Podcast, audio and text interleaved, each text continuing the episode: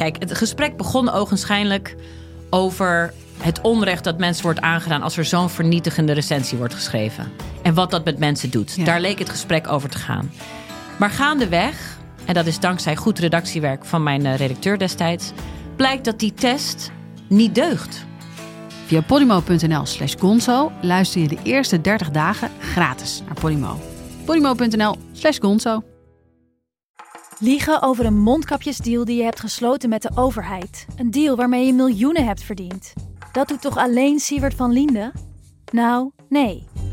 Ik ben Felicia Alberding en in de Mondkapjesmiljonairs duik ik met een team van correspondenten in andere schandalen. Want wist je dat Siewert helemaal niet uniek is? Luister de Mondkapjesmiljonairs in je Podimo-app. Of ga naar podimo.nl slash mondkapjes. En probeer Podimo 30 dagen. podimo.nl slash mondkapjes.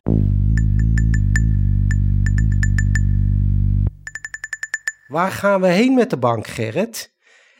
Nou ja, eh, hij staat er, het, eh, het gaat goed. Ja, eh, en je blijft die vraag stellen en hij blijft ontwijken, dan, dan, dan bak je eigenlijk conflict in. Hij had ook een beetje het gevoel, ik hoef niet precies te weten hoe een bank in elkaar zit. Ik heb hier allemaal hele slimme mensen rondlopen die alles weten van kredietverlening, van hypotheken, eh, van hoe ik een renteopslag moet berekenen. Dus ik hoef dat allemaal niet te weten. Je, je krijgt Gerrit Salm en dan moet je je maar aanpassen aan hoe Gerrit Salm wil dat het gebeurt. Dit is Betrouwbare Bronnen met Jaap Jansen.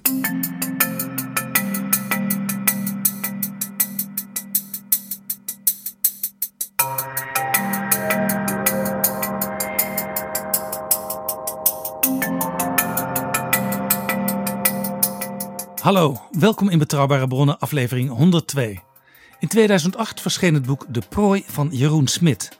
Over de teloorgang van de eens zo trotse grote Nederlandse bank ABN Amro.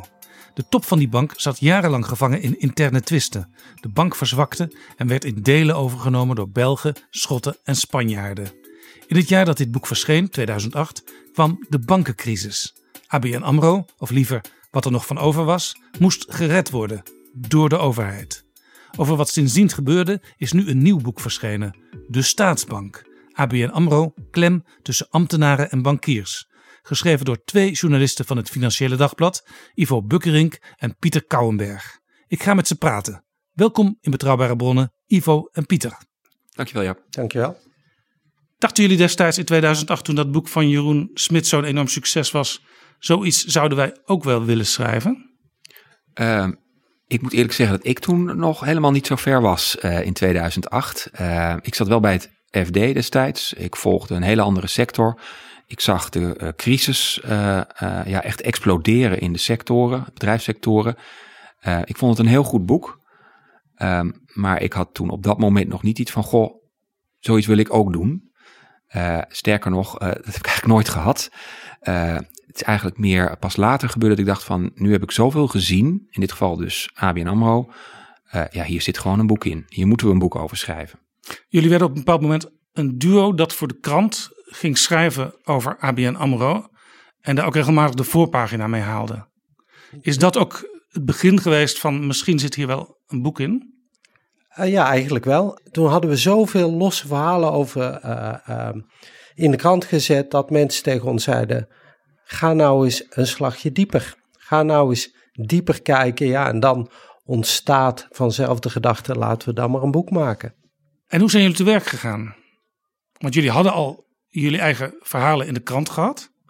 Jullie hadden heel veel contacten. Ja, ja. We, we, hebben al die verhalen in de krant eigenlijk voor, voor allemaal links laten liggen. Uh, ja. We hebben verlof genomen en ook gekregen van onze hoofdredacteur Jan Bonjer destijds. Uh, wat een, zich een hele bijzondere was voor het Financiële Dagblad. Ja, het is een kleine krant. Alle hens aan dek, zou je zeggen? Ja, kijk, ik ben onderzoeksjournalist. Pieter is algemeen verslaggever. Dat zijn posities, daar wordt wel wat van je verwacht. Dan ben je iemand die echt moet bijdragen aan de krant. Nou, als je dat twee van zulke krachten eigenlijk tien maand lang daar vrij speelt, dan, uh, dan maak je wel een keuze en een statement, denk ik, als hoofdredacteur. Dus dat, uh, dat valt zeker te prijzen, wat mij betreft. Um, en we hebben eigenlijk nou, bijna een jaar de kans gehad om ons helemaal in te graven in dit dossier. om uh, met heel veel mensen te spreken. Dat is ook, ook gelukt. We hebben meer dan 100 mensen gesproken. Allemaal in de achtergrond overigens. Allemaal op anonieme basis. Maar ja, het zijn hele intensieve gesprekken geweest ook vaak. En ja, toen, toen zagen we gedurende dat proces het verhaal ontvouwen van tien jaar lang plus meer dan tien jaar staatsbank. Je zult, je zult misschien je afvragen, goh, je hebt al die verhalen geschreven, waarom leg je die dan opzij? Omdat we iets hadden, we willen eigenlijk opnieuw objectief, open um, ons in gaan verdiepen, artikelen lezen, verslagen lezen, mensen het gesprek aangaan. En in ieder geval niet de valkuil maken dat we als uitgangspunt nemen datgene wat we al weten. Omdat we dan bang waren dat we zeg maar zouden herkauwen wat al in de krant stond. We wilden echt bijna opnieuw beginnen. Dat kan niet helemaal, maar als het ware. Een beetje afstand nemen van je eigen snelle oordeel. Precies. Een aantal mensen spelen een hoofdrol in het boek. Hebben jullie die hoofdrolspelers ook allemaal echt goed kunnen spreken? We hebben uh, afgesproken met onze bronnen dat we niet zullen zeggen met wie we gesproken hebben. Dat is eventjes het uh, statement dat we altijd tegen iedereen zeggen. Uh, met die verstande dat we echt verbaasd zijn over ja, de toegang die we kregen tot, tot mensen. En, en dat we eigenlijk in het hele, zowel intern binnen de bank, maar ook in het veld daaromheen, dus alle instellingen en, en krachten die daar hebben gespeeld, of dat nou toezichthouders zijn of ministeries, uh, dat we daar toch allemaal wel ja, hele goede toegang hebben gehad. Ik denk dat we dat wel kunnen zeggen.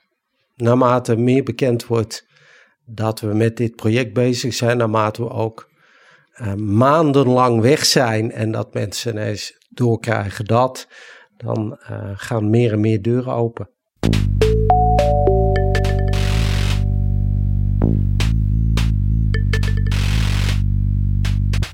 Dit is Jaap Jansen met Betrouwbare Bronnen. ABN AMRO was uiteengevallen. De crisis was er. Mijn beeld van de oude ABN AMRO is dat een beetje een ja, toch hele grote bank. Een, een deftige bank ook. De grote bedrijven van Nederland doen zaken met die bank. Zo komen we eigenlijk binnen in jullie boek. Hè? In die cultuur die daar nog hangt. Ja. Als je naar het hoofdkantoor hier aan de Zuidas van de bank kijkt dat hoofdkantoor is eigenlijk uh, symbool voor het oude ABN AMRO. Uh, het is marmer, koud, het is afstandelijk, groot. het is uh, heel groot. Het is ook het, na hoogste gebouw daar. Ja, het is ook wat hooghartig. Um, um, van Ajax wordt, Ajax ziet zich altijd van zichzelf dat ze de grote zonen zijn. Nou, bij ABN AMRO, oude stijl, zeiden ze ook dat ze de grote zonen van uh, de financiële sector waren de beste. Het gebouw drukt eigenlijk uit: the sky is the limit. Precies. Ja. Het oude ABN had ook een wereldrijk en wilde ook bij de absolute wereldtop meedoen. Champions League voetballen. Ja.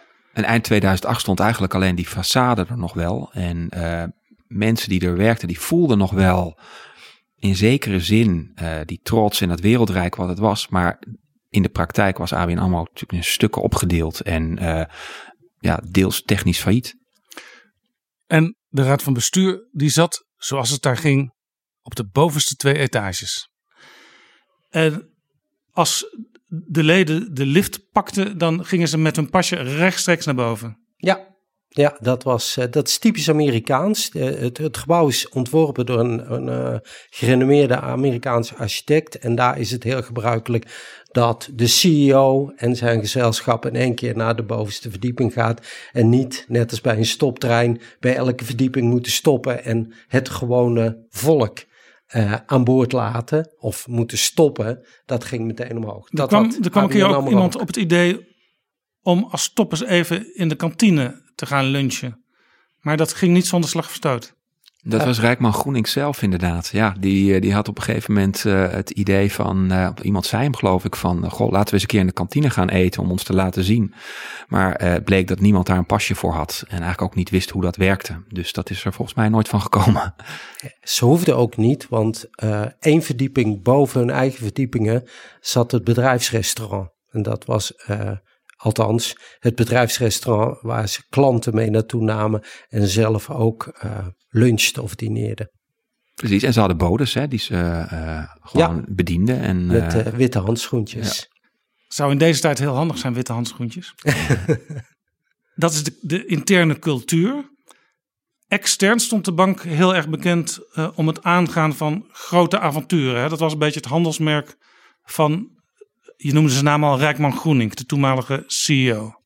Het was vooral dat onder Rijkman Groening ABN AMRO heel groot was, heel veel geld verdiende, maar eigenlijk uh, zijn potentie helemaal niet waarmaakte. Nog veel beter had kunnen draaien. En Rijkman Groening niet zo goed wist wat hij nou eigenlijk wilde met die bank. De ene keer uh, vond hij het heel belangrijk dat de zakenbank uh, grootste dingen zou gaan doen. En een jaar later dan besloot hij dat het weer het particulier, particuliere onderdeel was waar ABN AMRO groot in moest zijn.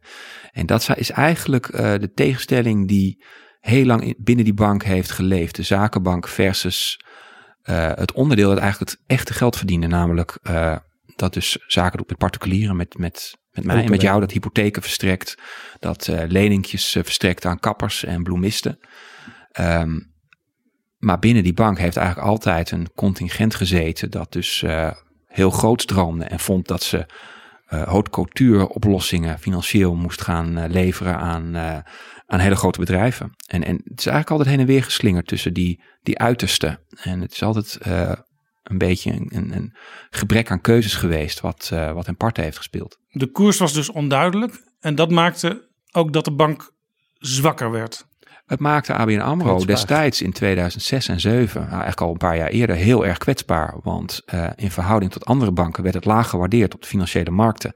En daardoor werd het kwetsbaar voor partijen die daar wel brood in zagen. En die dachten, als we het overnemen en we bieden een premie, dan kunnen we daar nog steeds geld aan verdienen door heel veel kosten te snijden en eh, de boel te integreren in onze bank. En dat is wat je uiteindelijk hebt gezien in 2007. Toen dus wat je zei, de Schotten en de Spanjaarden en de Belgen uh, zich melden. Ja, en die Belgen, Fortis, die namen het Nederlandse deel over. Ja, die, die namen het Nederlandse deel over, uh, inderdaad. En um, dat was deels uh, vooral ook particuliere klanten. Dus het, eigenlijk het, het ABN AMRO Nederland, uh, wat dat de Business Unit Nederland heette destijds. Ja, dus en wat de, dus veel hypotheken verstrekte. En, en natuurlijk uh, een klein bedrijf. een klein bedrijf, want Fortis zelf was in Nederland redelijk goed in uh, grote bedrijven bedienen. Dus het idee van die, van die Belgen was van dan kopen we ABN AMRO Nederland en dan hebben we eigenlijk een complete bank in Nederland. Wij zijn goed in grote bedrijven. En dit onderdeel wat wij dan krijgen van ABN, dat, uh, dat bedient particulieren. En dat is dan ook een methode om goed te kunnen concurreren met in Nederland ING en Rabo. Voor Fortis dacht van wij gaan. Wel. Ja, voor Fortis die wilde hier gewoon een grote jongen worden. Ja. Toen kwam die crisis en Wouter Bos was minister van Financiën, Partij van de Arbeid, vicepremier ook. En hij wilde kosten wat het kost voorkomen dat die hele bank naar het buitenland zou vertrekken. Dus hij begon te spelen met de gedachte: misschien moet ik zelf als staat wel een rol gaan spelen. Nou, het was, het was eigenlijk heel simpel. Um, um, Fortis, dat dus het Nederlandse deel van ABN had gekocht. Fortis stond op omvallen. Dat bedrijf had uh, acute problemen. En um, als Fortis zou omvallen, zou ook ABN AMRO Nederland omvallen. En daarmee zou een heel groot hypotheekbedrijf met hypotheken aan heel veel particulieren, plus heel veel leningen, uh, leningen aan, zoals Ivo al uitlegde, aan uh, de kappers, de bloemist, um, uh, de kleine machinefabriek. Dat zou onduidelijk worden van wa wat gebeurt ermee. Dus hij stond eigenlijk voor maar één keus. Een, een sleutelspeler in de Nederlandse economie redden of kapot laten gaan en dan de chaos over je heen laten komen. Dus dat was geen keus. Hij moest die tent redden en dat betekende dat hij het moest kopen van Fortis. Ja, meestal, meestal is de bankenwereld voor een gemiddelde burger iets vaags en verafs. Maar hier, zou, hier zouden heel veel Nederlanders meteen Last nadeel van, van kunnen hebben. Ja, uh, um, ga jezelf maar na. Ik denk dat jij in je vriendenkring voldoende mensen kent die een rekening bij ABN AMRO hebben, die een hypotheek bij ABN AMRO hebben. Spaargeld. Uh, spaargeld, uh, misschien beleggen ze wel bij ABN AMRO. als die bank dan kapot, letterlijk kapot gaat, failliet gaat, ehm, waar stort eh, jouw werkgever het salaris dan? Ehm, wat gebeurt er met jouw hypotheek? Dus, ehm, Nou ja, en, en, en nog een bijkomende angst destijds was natuurlijk dat de ABN AMRO zou omvallen. Andere banken hadden Ja. ook weer allerlei eh, geldstromen richting ABN AMRO en, en terug. Dus als ABN AMRO zou omvallen, ja, wat zou er dan met andere banken gaan gebeuren? besmettingsgevaar. Ja. besmettingsgeval. En, en natuurlijk ook nog de angst dat eh, mensen ook hun geld weg gaan halen bij andere banken als ze zien dat het mis kan gaan bij een bank als ABN AMRO. En dan heb je een domino effect. Ja, dat is eigenlijk wat je, wat je zag met eh, Lehman Brothers in Ja. Amerika. Ja. Die bank stortte in en meteen de hele financiële wereld in rep en roer. Nou, Lehman viel ook vooral ook omdat heel veel mensen, eh, en dan heb ik het over bedrijven, want het was een bank voor eh, het grootkapitaal, die haalden uit voorzorg snel hun geld daar weg toen ze dachten van dit gaat mis. Ja, en toen ging het ook echt mis. En daardoor kwamen ook weer andere banken in de problemen. En dan, dan gaat het echt als een lopend vuurtje. Eh, er komt nog bij dat Bos destijds niet erop kon vertrouwen dat de Belgische overheid met een totaaloplossing zou komen, waar ook Nederland wat aan had. Dus hij heeft toen ingeschat dat als Nederland niet zou acteren, eh, dat het dan heel erg mis zou kunnen gaan. En dat hij dus niet eh, er maar vanuit kon gaan dat de Belgen het wel zouden oplossen. Want die hadden zelf op dat moment echt heel veel problemen, ook met andere banken. Ja, je zag een beetje wat, wat we nu ook bij de, in de coronacrisis zien.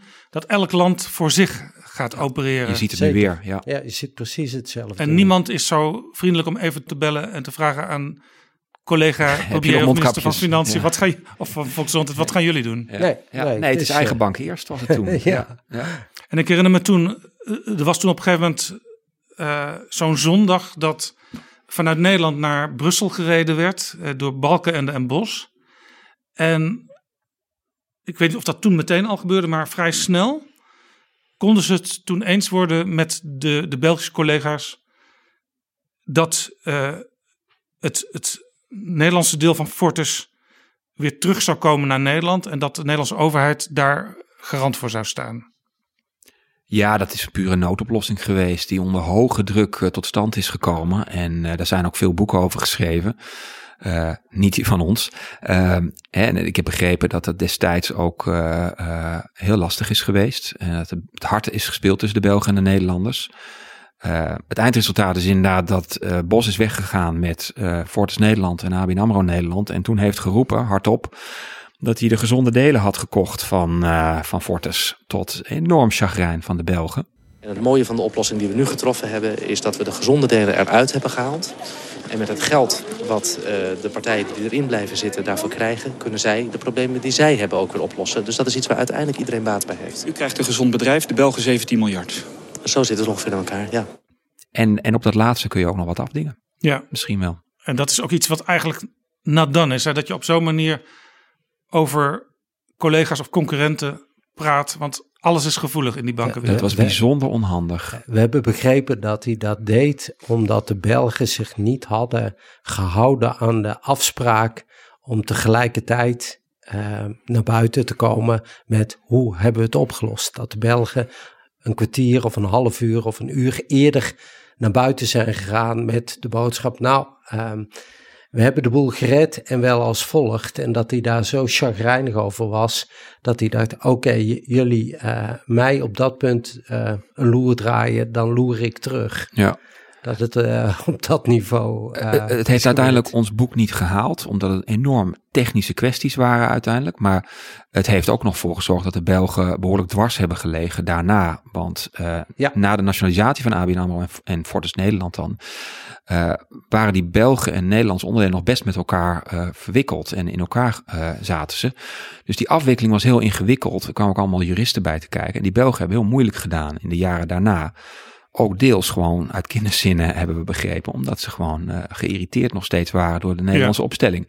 Ik kan me ook voorstellen dat Bos als politicus, en voor het eerst doe je zoiets, dat gebeurde nooit dat de staat zo'n bank, zo'n hele grote bank ineens Oh ja, je, je, overnam. je hebt ook wat uit te leggen. En hij Als moest natuurlijk Als inderdaad- je 16,8 miljard uitgeeft eh, uit, de, eh, uit, uit, je, uit publieke middelen, uit belastinggeld, terwijl je eh, de jaren daarvoor steeds hebt verkondigd van nou, eh, je moet je als burger eh, eh, moet je je eigen broek ophouden. En de, de, de verzorgingsstaat was natuurlijk in die jaren daarvoor eh, wat ehm, afgebouwd of in ieder geval minder riant gemaakt.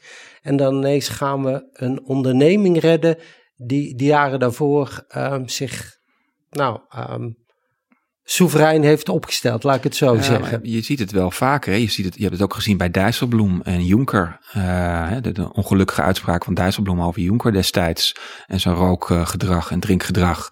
En ik moet ook denken aan Wopke Hoekstra, hoe hij zich heeft opgesteld recent nog eh, tegen Italië. Ja, politici die, eh, die houden zich ook niet altijd in. Ik vind het eigenlijk wel verfrissend. Eh, Ja, ja het is toch een beetje. de Kijk, waarheid. kijk, kijk, vroeger gebeurde het natuurlijk altijd in hele kleine kringen achter gesloten deuren. Tegenwoordig is bijna alles transparant. Ja. Er staan er overal microfoons en camera's. Dus het komt meteen door. Ook alles wat voor eh, nationale consumptie Ja. bedoeld is, dat ligt meteen Ja. bij de ander. Ja, maar, het die- is ook een die- kwestie van stoer doen, volgens mij. Bos wilde laten zien aan het Nederlandse volk, jullie belastingcenten zijn goed besteed. En dat heb ik, heb ik voor elkaar gekregen. Ehm, zoals Hoekstra nu volgens mij wil laten zien van, ho eens even, ik eh, wil geen transferunie. En ons, ons geld gaat niet naar, eh, naar. Zuid-Europa. Dus het is ook een kwestie van je wil, willen profileren, denk ik. En ehm, Je alhoewel- politiek kapitaal. ja, zoals, alhoewel wij, eh, wij dus in het, boek ook niet de indruk hebben dat Wouter Bos met name als minister nou heel dicht op ABN AMRO heeft gezeten. En dat heeft gebruikt om zich te profileren. Ja, zijn opvolgers hebben dat, hebben dat wel wat meer gedaan. Ja, dit vind ik eigenlijk een heel interessant aspect van, van jullie boek. We zijn ook nu toegekomen aan waar het boek eigenlijk over gaat. Hè? De Staatsbank Ja. heet het. Dus op de Zuidas en eh, ook op de Foppingadreef, waar die gebouwen van ABN AMRO staan. Daar kwam, een, eh, kwam ineens een soort ambtelijke wind binnenwaaien. Er werd steeds ook naar financiën gebeld, begrijp ik uit jullie boek, als er besluiten moesten worden genomen. Zelfs een relatief klein besluit om ergens 4 miljoen euro naar over te maken. Daar werd voor naar Den Haag gebeld. Ja, je refereert nu echt aan de weken echt na de nationalisatie inderdaad. Dat dus heel ABN AMRO gewoon niet wist waar ze het zoeken moesten. Eh, de leiding eigenlijk onzichtbaar was. En inderdaad, als er een krediet moest worden gegeven. Ja, bij ABN AMRO is het wel een beetje een cultuur van... Je moet je een beetje indekken. Hè? Als je eh, geld gaat uitgeven, dan moet je wel zorgen dat eh, Dan je- moet het de lijn in de hi- hiërarchie eh, het afgedekt is. Want anders krijg je later last. Ja, maar wie zit er boven je? Helemaal niemand. Eh, je baas, eh, zo, zo voelden ze dat ook, zit in Den Haag. Dus dan moeten zij het besluit maar nemen. Dus inderdaad belden ze letterlijk naar Den Haag. Van nou, ik heb een bedrijfskrediet van een paar miljoen. Moet ik dat doen? en in Den Haag stonden, waren ze met stomheid geslagen. Want eh, ja, ze hadden ze geen idee over wat ze daarmee aan moesten. Nee, dus want politici en bestuurders in Den Haag denken heel erg in grote lijnen. Ja. En niet in kleine dagelijkse dingetjes. Nee. En ze wisten ook helemaal niet hoe een bank werkte. Daar, daar hadden ze helemaal niet over nagedacht. Dus Wow. daarom, daarom was het zaak eh, voor, voor eh, de ambtenaren en voor de minister om zo snel mogelijk daar een, zoals ze het noemen, transitieteam, een overgangsteam te benoemen, dat voor Wouter Bos, voor de aandeelhouder, de beslissingen ging nemen en die bank ging leiden en stabiliseren. Ja, En de controle pakte ook. En de, controle. De Tweede pakte. Kamer was natuurlijk ook heel erg eh, benieuwd hoe dat zou gaan. En Wouter Bos moest natuurlijk ook als minister naar de Kamer komen. Op een gegeven moment zei Frans Wekers, die was toen VVD-Kamerlid. Dit wordt een bosbank met ambtelijke boswachters. Dat was dus in die begindagen wel een beetje het beeld. Ja. ja, Bos heeft daar volgens mij eh, in onze analyse, heeft Bos ook echt zijn best gedaan om van dat beeld weg te komen. Ja. En om op afstand te blijven. Hij heeft daar wel een aantal mensen neergezet. Hè. De, eh, die komen in het boek ook, eh, spelen ze een belangrijke rol. Ja, onder andere Michael Enthoven. Exact, een Ja. heel interessant figuur. Een voormalig JP Morgan eh, bankier. Zakenbankier. Ja, die uitgespeeld was bij de bank waar hij daarvoor werkte, NIBC. Daar was het niet, niet geweldig mee afgelopen. Maar hij had besloten dat hij niet meer in de financiële sector zelf wilde werken en vuile handen wilde maken. Hij wilde oplossing, eh, onderdeel worden van de oplossing. Dus hij heeft zijn diensten aangeboden aan, eh, aan financiën. En eh, die hebben dit ook aangenomen. En die hebben hem eigenlijk in de, in de, in de, in de vuurlinie gezet. Om in eerste lijns te zorgen dat de belangen van de staat bij die bank werden behartigd. Dus alle moeilijke dossiers, alle zware onderhandelingen met ja, toch nog de Schotten en de Spanjaarden die de andere onderdelen in handen hadden.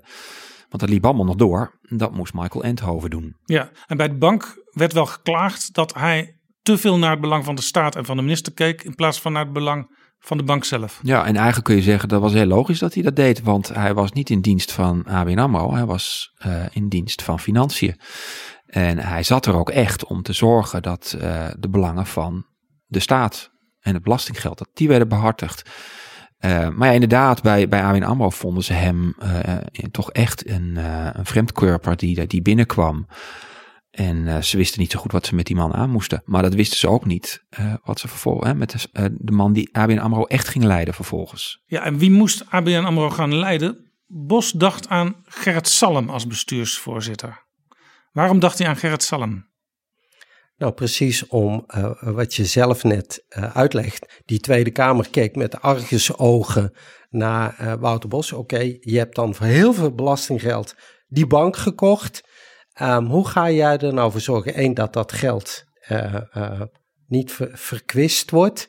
Twee, dat die bank ook eigenlijk zich netjes gaat gedragen na alle avonturen van het vorige bestuur. Dan kies je iemand die ehm, een goede reputatie heeft, die Den Haag snapt en die het, in ieder geval het vertrouwen um, van die Tweede Kamer heeft. En waarvan je eigenlijk kunt zeggen, ik kan het aan hem overlaten en ik heb er weinig omkijken naar. Want vergeet je, vergis je niet, uh, Wouter Bos had niet alleen uh, ABN AMRO.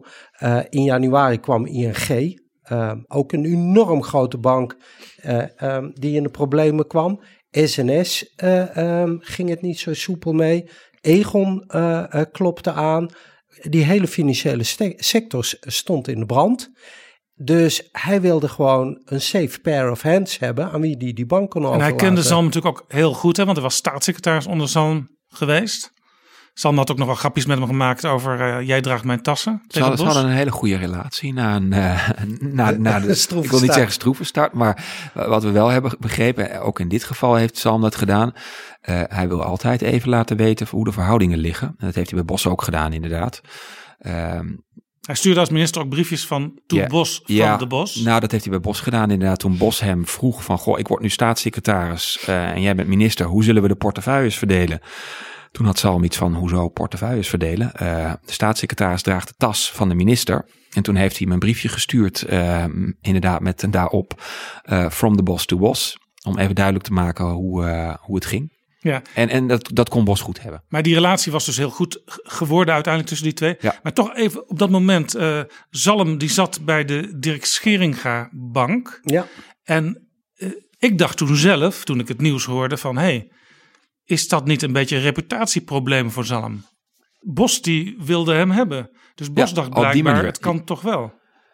Ja, ja, ja, dat is inderdaad waar. Ja, ja, eh, die heeft die inschatting gemaakt, blijkbaar dat. Kijk, DSB was wel een probleem voor de toezichthouders, maar dat werd vooral gekoppeld aan de aandeelhouder en directeur zijnde Dirk Scheringa.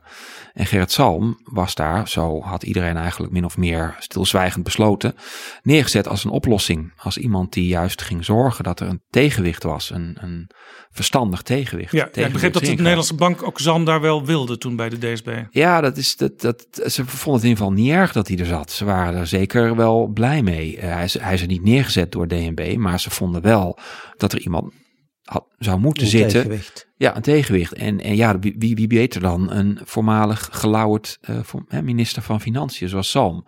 Ja, toch kwam, Ik denk, toch ik, kwam denk, ik denk dat, als ik daarop mag aanvullen, ik denk dat Wouter Bos het niet als een probleem destijds eh, heeft gezien, omdat het pas een probleem werd toen DSB failliet ging en er een onderzoek kwam naar eh, wat is er eigenlijk bij die bank eh, gebeurd.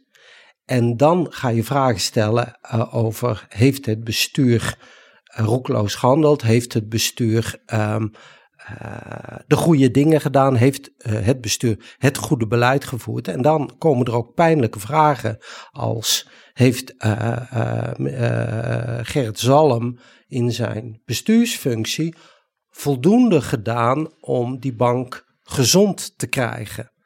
En op dat moment ontstaan die problemen. Ja, DSB viel om in 2009. Ja, En toen, was, eh, toen zat Gerrit Salm al eh, bijna een jaar al bij ABN AMRO. Ja, eh, al heeft later de, de, de toezichthouder AFM, de Autoriteit Financiële Markten, nog wel eens vraagtekens gezet bij dat DSB-verleden. Nou, Eh, sterk- sterker ja, nog, ja. eh, ehm, dat, was, eh, dat is misschien wel een van de meest pijnlijke geschiedenissen van Gerrit Salm. ehm, bij de vraag of hij geschikt was ehm, voor een functie in de financiële sector, was de AFM aanvankelijk eh, van oordeel dat het antwoord nee moest zijn. Hij is ongeschikt omdat hij bij de DSB te weinig heeft gedaan. Terwijl die Nou, eh, AFM eh, notabene onder leiding stond van Hans Hogervorst, ook minister van Financiën geweest voor de VVD. Ja, dat heeft Gerrit Salm echt als. eh, ehm, je moet Gerrit Salm lezen als iemand die bijzonder hecht aan loyaliteit. Over en weer. Eh, ben jij loyaal naar hem, dan is hij uiterst loyaal aan jou. Als je bij hem langskomt en vraagt: Gerrit, wil je me helpen? Dan eh, is het denk ik de beste man die je kunt hebben, want dan doet hij zijn uiterste best om je te helpen.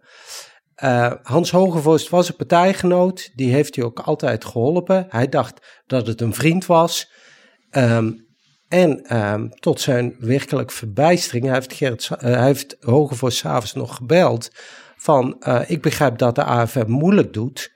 En toen heeft Hans Hogevorst tegen me gezegd, sorry Gerrit, ehm, ik verschoon mij van dit dossier. Ik hou me er verre buiten van, je moet niet bij mij zijn.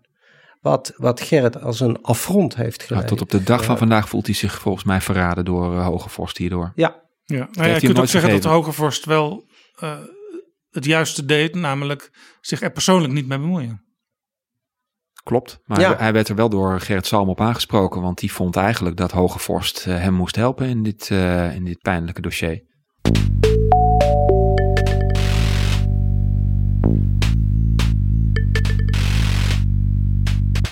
Dit is Jaap Jansen met Betrouwbare Bronnen. Salm kwam toen naar ABN AMRO. ja, Eh, die titel was altijd CEO, maar dat werd nu gewoon bestuursvoorzitter. Gerrit Salm wilde, maakte een enorme sier daarvan om, om eenvoud uit te stralen, soberheid. En eh, een van de dingen manieren waarop hij dat deed was door inderdaad geen CEO te zijn, wat Rijkman Groening wel was. Maar gewoon eh, voorzitter van de raad van bestuur, eigenlijk de, de eerste onder de gelijken. Hij wilde uitstralen dat het hele bestuur net zo belangrijk was als hij. Dat ze samen de beslissingen namen. En dat hij niet een of andere Amerikaanse CEO was die met zijn vuist op tafel sloeg. En eh, eh, besloot wat er ging gebeuren. De CEO bij ABN AMRO, AMRO had traditioneel vetorecht. Hè? Als het echt moeilijk besluit was waar ze niet uitkwamen, dan kon de CEO dat tegenhouden. Maar Salm die zei, ik hoef dat vetorecht niet meer. nee, hij zei ik heb deze mensen allemaal uitgekozen om met mij die bank te gaan leiden. Ik heb dus eh, al een natuurlijk overwicht daardoor. En ik wil dat we op basis van argumenten eh, het met elkaar eens worden. En ik wil gewoon niet ehm, uiteindelijk die machtspositie hebben. Dat ik, als ik dat veto heb, dat ik dan uiteindelijk door de groep gevraagd of gedwongen kan worden om eh, het te doen. Ehm, maar hij deed meer onorthodoxe dingen. Het, het, kijk, traditioneel is de CEO de man die de strategie uitstippelt en de strategie bedenkt. Ehm, Gerrit Salm niet. Hij had de strategie uitbesteed aan zijn eh, risicomanager. Dat is dus degene die naar de portefeuille kijkt van de bank en de hele tijd zegt: hoeveel risico lopen we daar? Kunnen we dat he- hebben? Kunnen we dat aan? Hebben we voldoende buffers, dus die het evenwicht. Eh, eh, hij had voor zichzelf eigenlijk een rol zoals een minister-president in een kabinet. Geen eigen portefeuille, maar gewoon overal waar het nodig is, aanschuiven en meedenken. Oftewel, Ja, wij zitten er, jij hebt een wens of een probleem, nou, dan denk ik met je mee. Hij was ook heel erg van de, de open deurpolitiek. Hè? Kom binnen als er iets is. Ja, ja, en dat is natuurlijk in een kabinet kan dat wel, maar in een bedrijf heeft een CEO een duidelijk eh, leidende rol in de zin dat hij een, eh, of zij een visie heeft en die visie ook nadrukkelijk uitdraagt, dus richting geeft waar die bank heen gaat. Is dat ook noodzakelijk omdat eh, zo'n bank een hele zware juridische aansprakelijkheid heeft voor alles wat er gebeurt? Het, he- het heeft in een aantal redenen is het, is het bij bedrijven eigenlijk voor de hand liggend. Eén, ehm, men wil een leider hebben die uh, de richting uh, geeft. Twee, uh, de statutaire verantwoordelijkheid, want daar doel je op. Dat je juridisch door aandeelhouders of door klanten zeg maar voor de rechter gedaagd kan worden. Dat is meestal toegespitst tot de absolute top. Dat zijn een paar mensen. Ja, en dan is de CEO is je boegbeeld. Nou, en, en je ziet in een bestuur ook vaak botsende belangen. dat zie je bij ABN AMRO ook. Uh, als er bijvoorbeeld budget verdeeld moet worden. En dan heb je iemand die is de, het hoofd van de zakenbank. Om dat maar weer eventjes aan te halen. En je hebt iemand die is hoofd van de retailkant, de particulieren. En zij moeten gaan bakkeleien over waar het geld naartoe gaat. Dan wil In die, die zin lijkt het ook op een kabinet. Ja, waar maar, de minister-president en de minister van Financiën ook af en toe ministers teleur moeten stellen. Nou ja, en het pregnante bij ABN AMRO is dus dat je dan in een situatie komt dat de uh, bestuursvoorzitter, want CEO is hij niet en wil die niet genoemd worden, dus geen keuzes maakt en wil maken. En dat is eigenlijk wat je vanaf de nationalisatie eigenlijk als patroon ziet. Uh, hè, wat Pieter net uitlegde, dat is de kracht van Gerrit Salm. Maar het is ook de zwakte van Gerrit Salm. Want hij houdt er niet van uiteindelijk om keuzes te maken. Dat zie je heel vaak, dat komt ook vaak in het boek voor. Hij vindt het moeilijk om dan uh, iemand teleur te stellen. Ja. En, en wat je dan ziet is dat heel vaak moeilijke beslissingen niet genomen worden. Zoals jullie Salm beschrijven, daar doet hij me af en toe een beetje denken aan uh, premier Wim Kok, onder wie Salm natuurlijk minister van Financiën was. Wim Kok die had vaak het idee van ja, probleem, problemen, als we ze nou een klein beetje op de loop laten, dan lossen ze zichzelf ja, misschien wel op. Ja, dat, dat, ja, dat is dat zeker. zien we ook. Dat ja. herkennen we heel vaak. Gewoon um, um, keuzes voor zich uitschuiven, hopen dat het probleem zich oplost. Ja. Kijk, dat bestuur, het bestuur had in eerste instantie ook zoiets van, nou oké, er zijn nog zoveel uh, uh, zaken te doen, dat loopt wel goed. Maar als je dan een raad van commissarissen hebt, dat is zeg maar zijn werkgever, zijn toezichthouder, en daar zitten bankiers bij, daar zitten bestuurders van bedrijven bij. En die willen natuurlijk op een gegeven moment, waar gaan we heen met de bank, Gerrit? En nou ja, hij staat er, het, het gaat goed. Ja, uh, en je blijft die vraag stellen en hij blijft ontwijken, dan, dan, dan bak je eigenlijk conflict in. En, en dan heb je het nog over de, de grote wezensvragen van de bank. Maar ik, wat ik zelf wel een aardig voorbeeld vind van zeg maar, iets op de lange baan schuiven, besluitloosheid is. Uh, ABN AMRO was geen grote bank meer, maar een klein bankje geworden in feite. Ja, nog steeds honderden miljarden op de balans, maar in verhouding veel kleiner. Uh, veel minder werknemers ook. 25.000. Ja. Maar die top van die bank, en dan heb ik het over het bestuur en al die topmanagers, die was nog net zo groot als onder de uh, leiding van Rijkman Groening. Dat heet traditioneel de top 100. Ja. Nou, telkens kwam op de uh, vergadering weer naar, naar voren bij Zalm van moeten we die top dan ook niet eens een keer kleiner maken? Kunnen we niet toe met veel minder topmanagers? En dat vond dan iedereen een goed idee. Maar dan kwam het er eigenlijk weer op neer. Dan had iemand toch nog weer iemand die die heel aardig vond. En die heel goed zijn best deed. En die toch wel een beloning uh, verdiende. En dan zeiden ze aan het eind, nou dan uh, maken we die ook lid van de top. Ja, dus op een gegeven was het geen top 100 meer, maar was 109 top geworden. 109. De top was daadwerkelijk groter geworden. En uh, ja, telkens maar weer niet... toch, dat is natuurlijk een, een, nare beslissing. Want je moet dan wel al die mannen en vrouwen waar jij dagelijks mee werkt, moet je gaan vertellen van jongens, jullie hebben 20, 30 jaar gewerkt hier en bedankt voor je diensten, maar uh, het is tijd om afscheid te nemen. En, en dat soort dingen vond hij gewoon heel moeilijk. Ja. En dat is dus pas uiteindelijk in 2017 door zijn opvolger wel gebeurd. Die heeft um, uh, gewoon grote schoonmaak gehouden, heeft die top 109 teruggebracht naar 60 en heeft gewoon ook afscheid genomen van die mensen die er al hun leven lang bij die bank zaten. Ja, dat is Kees van Dijkhuizen die Kees van uiteindelijk Dijkhuizen. Salm opvolgde. Ja. Um, Salm die kwam bij die bank. Kende hij de bank eigenlijk? Had hij een idee waar die terecht kwam? Totaal niet. Uh, het enige wat hij... Hij had een rekening. Hij had een rekening. hij had een rekening. Uh, inderdaad, hij had ook een private banker bij ABN AMRO. En hij had de prooi van uh, Jeroen Smit had hij gelezen. Private banker is als je vermogen hebt. Ja, ja. als je wat geld te beleggen hebt. Ja, um, ja en hij had dus uh, hij had de prooi van Jeroen Smit had hij uh, ter voorbereiding gelezen. Dus hij had, op zich is dat natuurlijk uh, geen slechte voorbereiding. Ja, want dan weet je, zo moet het in ieder geval niet. Ja, hij had de blauwdruk van hoe het niet moest. Hij had een opdracht van uh, Wouter Bos wat hij uh, niet wilde. Namelijk uh, geen gekke dingen doen, geen risico's nemen. Uh, Gerrit, je moet er een hele normale Nederlandse, liefst Nederlands georiënteerde bank van maken. Ja. Die zich ook gaat inzetten voor de Nederlandse De economie. Nederlandse economie. En ik lees in jullie boek dat het idee van Zalm eigenlijk eenvoudig was. De rol van een bank is het goedkoop aantrekken van kortlopende leningen en geld uitzetten tegen langere looptijd en hogere rente. Dat is ongeveer zoals ik het op de middelbare school Ja. van, eh, eh, uit het boek van A. Heertje geleerd heb. Nou ja, hij, hij had een simpele kijk erop en die heeft hij ook eigenlijk altijd wel volgehouden. Want een van de dingen waar we het net over hadden, die, die, het feit dat hij dus geen eindverantwoordelijkheid had. Hij had ook een beetje het gevoel, ik hoef niet precies te weten hoe een bank in elkaar zit. Ik heb hier allemaal hele slimme mensen rondlopen die alles weten van kredietverlening, van hypotheken, eh, van hoe ik een renteopslag moet berekenen. Dus ik hoef dat allemaal niet te weten. Hij vat dat altijd. Alleen af en toe een goede vraag stellen. Ja, hij vat dat samen onder eh, de titel van hoe hoger, hoe dommer. Dus eh, in zijn optiek, hoe hoger je zit in de piramide, hoe minder je eigenlijk weet van wat er gebeurt in de organisatie. Dus wat je dan moet doen als leider, als goede leider, is zorgen dat die mensen daar onder jou eh, hun werk goed kunnen doen. Je- Dat, dat, dat hoe hoger in de organisatie, hoe dommer de mensen. Dat zei hij ook als hij bij filialen op bezoek was. Oh ja, hè? dat zei hij continu. Dat zei hij tegen iedereen. Dat zei hij ook tegen, tegen andere CEO's. En dat zei hij tegen... Tegen zijn managers. ja, ja, die vonden dat eh, Die vond dat heel vervelend. Maar op lager niveau vonden ze dat juist prachtig. prachtig. Ja, ja, Ja, maar ja. daar lag hij ook uitstekend. Dus hij was, was wel geliefd in dat lage echelon. De gewone werknemer liep weg met Gerrit Eigenlijk, eigenlijk zoals een politicus het ook doet.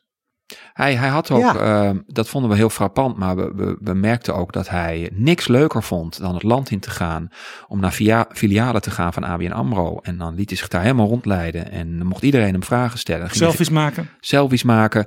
En dan, dat is bijna zo inderdaad een politicus die op verkiezingstournee ging. Eh, en ja, dat, Zijn daar, collega's noemden dat de royal visits Ja. van Gerrit Salm. dat vond hij fantastisch. Maar als je hem moest laten optreden met een toespraak voor de top 50 of de top 100. Ja, dat vond hij vreselijk. Daar lag hij wakker van.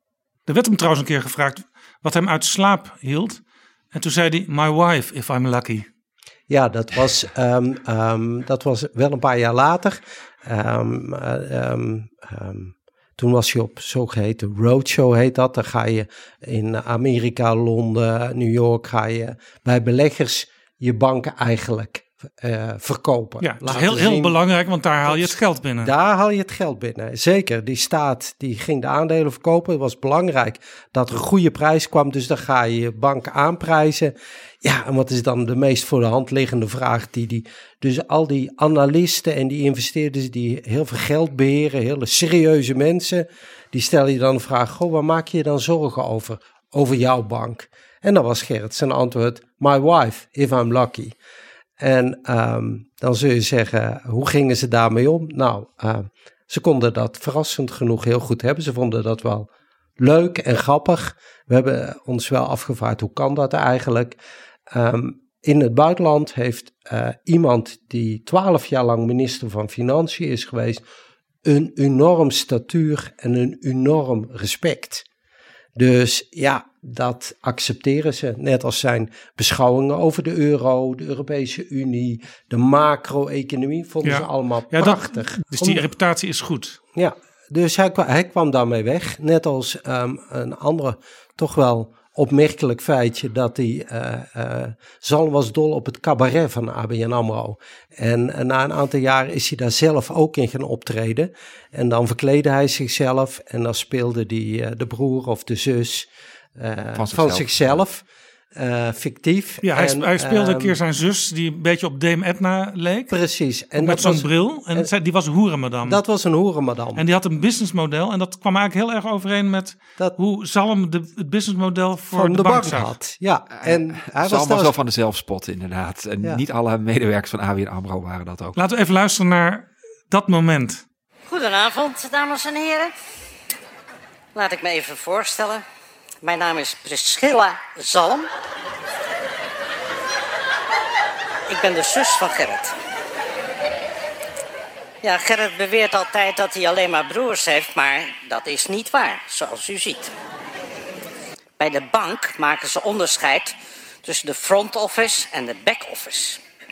Nou ben ik gelukkig gezegend met een goede front office en een prima back office. Maar goed, terug naar mijn broer Gerrit. Toen hij voorzitter van de raad van bestuur werd van ABN AMRO, raakte hij wel een beetje in paniek. Want hij moest van ABN AMRO weer een succesvolle onderneming maken. En hij had geen idee hoe hij dat moest doen. Dus hij komt bij mij en hij zegt: Hoe heb jij dat gedaan? Nou, ik heb tegen hem gezegd: Ja, je moet beginnen met kernwaarden. In mijn bedrijf hebben we er drie: vertrouwd, deskundig en ambitieus. vertrouwd, we zorgen voor een warm welkom. We streven naar langdurige klantrelaties en we leveren wat we hebben afgesproken. Deskundig, we zijn ervaren, goed getraind, we kunnen het prima. Ambitieus, we proberen altijd de verwachtingen van de klant te overtreffen. Nou, hij was heel blij met dat gesprek. En heeft vervolgens die kernwaarden onverkort overgenomen als de kernwaarden van ABN AMRO. Dit viel internationaal wat minder goed dan die eerdere uitspraak van Salem. Want CNN zei, wat is dit? Um, Financial Times op de voorpagina. Ja, die, bij CNN werd er gewoon gezegd, um, not done. Zo doe je dat niet. Wij, wij Nederlanders, wij kennen A. Gerrit Salm van het flipperen, van het uitbundig lachen, grapjes. Dus in Nederland werd er de, de, de, de schouders over opgehaald. Hij werd ook vaak geïmiteerd in programma's als Koefnoen. Precies. Dus, maar in, in, in die, in die uh, gemeenschap in Amerika en in Engeland, waar ze hem dan niet kennen, maar wel de CEO van een gerenommeerde Nederlandse bank, die dan een hoerenmadam imiteert. Ja, nou dan, maar het was wel net een jaar voordat die bank naar de beurs ging. Dus in dat jaar waarin het gebeurde, 2014, uh, moet je je voorstellen, die, bank heeft hele discussies met financiën, maar ook met die internationale gemeenschap van, oké, zijn we al klaar? Zijn de rapportcijfers voldoende om naar de beurs te gaan? Dan um, doet hij dit in een intern cabaret, maar hij is zo trots op die act dat hij die vrijgeeft voor het publiek. Ja, dan hij is was het, Hij was er trots op, echt hij, trots hij op. vond het fantastisch, maar zijn commissarissen, uh, um, die zaten met samengeknepen billen te kijken. En sommige van zijn collega's ook van, hoe gaat dit bij potentiële investeerders in de bank vallen? Want A, meneer Salm heeft geen bonus, want die wilde die niet is ook al not done in dat soort gemeenschappen. En meneer Salm verkleedt zich als hoerenmadam. Dus dat was wel een pijnlijk momentje. En ik snap de commissaris daar in die zin ook wel, uh, wel in. Want in Nederland was zoiets ook nog nooit vertoond. Nee. En ook in Nederland waren er best wel mensen die het een, ja, op zacht gezegd gewoon heel opmerkelijk vonden dat hij dat deed. Ja, over die relatie met de Raad van Commissarissen wil ik het zo hebben. Heel Ja. interessant. Uh, nog even over Zalm, want uh, jullie zeiden het al. Hij mocht zelf zijn team samenstellen. En wat ik dan zelf heel interessant vond, naast dat ik eigenlijk de Zalm zie in jullie boek, die ik al uit Den Haag als politiek ja. verslaggever kende. Hij belt eigenlijk ook mensen die hij heel goed kent. Joop Wijn, net als Wouter Bos, staatssecretaris onder hem geweest. Die zat bij de, bij de Rabobank hij keek in de organisatie, daar zat Johan van Hal, die heel goed was in uh, IT. En de vader van Johan van Hal was schoenmaker en die van Zalm kolenboer, dus dat klikte ook om die reden. Uh, dan vond hij de baas van Fortis Nederland, Jan van Rutte, vond hij aardig, dus die mocht er ook bij. En dan haalde hij nog mevrouw Caroline Prinsen naar binnen, die kwam van Netstaal, ook een hele andere wereld dan de bank. Want de bedrijfscultuur moest veranderd worden. Nou ja, dat kan iemand van buiten de bank beter dan van binnen de bank eigenlijk wel een heel menselijke manier waarop Zalm dacht: zo maak ik mijn team. Ja, hij wilde uh, uh, met uh, Joop Wijn dacht hij, daar heb ik een bankier die de politiek snapt, um, die ik goed ken en waardeer. loyaliteit met jo Johan van Hals, zoals je terecht zegt, had hij de klik, omdat ze alle twee no-nonsense en niet van poeha zijn. Dus um, um, sterker nog, um, wat ook tamelijk ongebruikelijk is, hij had ook als CEO bedongen dat hij grote invloed had op de selectie van zijn raad van commissarissen. Uh, oftewel, als hij iemand niet zag zitten, dan werd hij geen commissaris bij zijn ABN AMRO. Dat, dat is, is, dat, dat, geeft, is uh, dat normaal? Want de raad van commissarissen moet natuurlijk toch het bestuur controleren. Precies. Hij, Dat mocht, is- hij mocht bepalen wie feitelijk zijn werkgever was en wie inderdaad eh, uiteindelijk hem beoordeelde. Dat is natuurlijk een hele bijzondere situatie. Dat was ook een soort deal die hij met het ministerie van Financiën had. Bij het begin, eh, bij zijn aantreden, had hij in feite eh, de facto carte blanche gekregen van eh, Wouter Bos. Eh, wat we begrepen hebben bij ons onderzoek is ook dat eh, eh, eh, bij de ambtenaren van Financiën daar wel de wenkbrauwen over gefronst werden. Dat, ehm, dat als maar de beheerder van de aandelen, feitelijk de baas, dat Wouter Bos eh, financiën niet veel strakker, zeg maar, de, de benoemingen ging bepalen. Wat zijn latere opvolger Jeroen Dijsselbloem wel ging doen. Ja, want vaak gaat het zo als je een bestuur hebt en een raad van commissarissen, dat die raad van commissarissen zelf, als er mensen met pensioen gaan of om andere redenen zelf, vertrekken. zelf zijn, zijn, zijn eh, mensen erbij zoekt, ja. En hier was natuurlijk de staat eh, de feitelijke baas geworden, eh, de aandeelhouder. Eh, dus zou de minister ook veel sturender kunnen optreden hierin. Ja, heeft Wouter Bos niet gedaan. Nee, Bos wilde echt op afstand blijven en hij vertrouwde er dus op dat Salm De goede eh, keuze de zou goede maken. keuze zou maken. En, eh, en, en Salm had ook nadrukkelijk de opdracht om het allemaal anders te doen. Want nog even aanhaken op wat je zei over het bestuursteam. Eh, hij koos opmerkelijke mensen. Maar ja, de topkader wat daar zat binnen die bank, die hadden de bank ook in de vernieling gedraaid. Dus eh, dat was de oude garde, de oude cultuur waar ze juist mee wilden Ja, afrekenen. dus het was ook allemaal niet zo onlogisch wat er gebeurde. in die zin, of als je het eh, vanuit hè, de bril van die tijd, als je, het, als je het zo zou bekijken, nee, dan denk ik dat, dat het helemaal niet zo raar is. Want het was gewoon heel bijzonder dat die bank überhaupt eh, in eigendom was van de staat. En het was nog heel erg zoeken en vinden, ja, hoe, hoe, hoe dat moest. Eh, er was geen blauwdruk voor, eh, was geen voorbeeld. Ja, Bij, bij financiën waren ze ook in het begin aan het zoeken. Ze kenden de mensen niet, ze kenden de bank niet. Dus ze hebben ook allerlei adviseurs erbij gehaald van jongens, leg ons het eens even uit. Wat hebben we nou gekocht?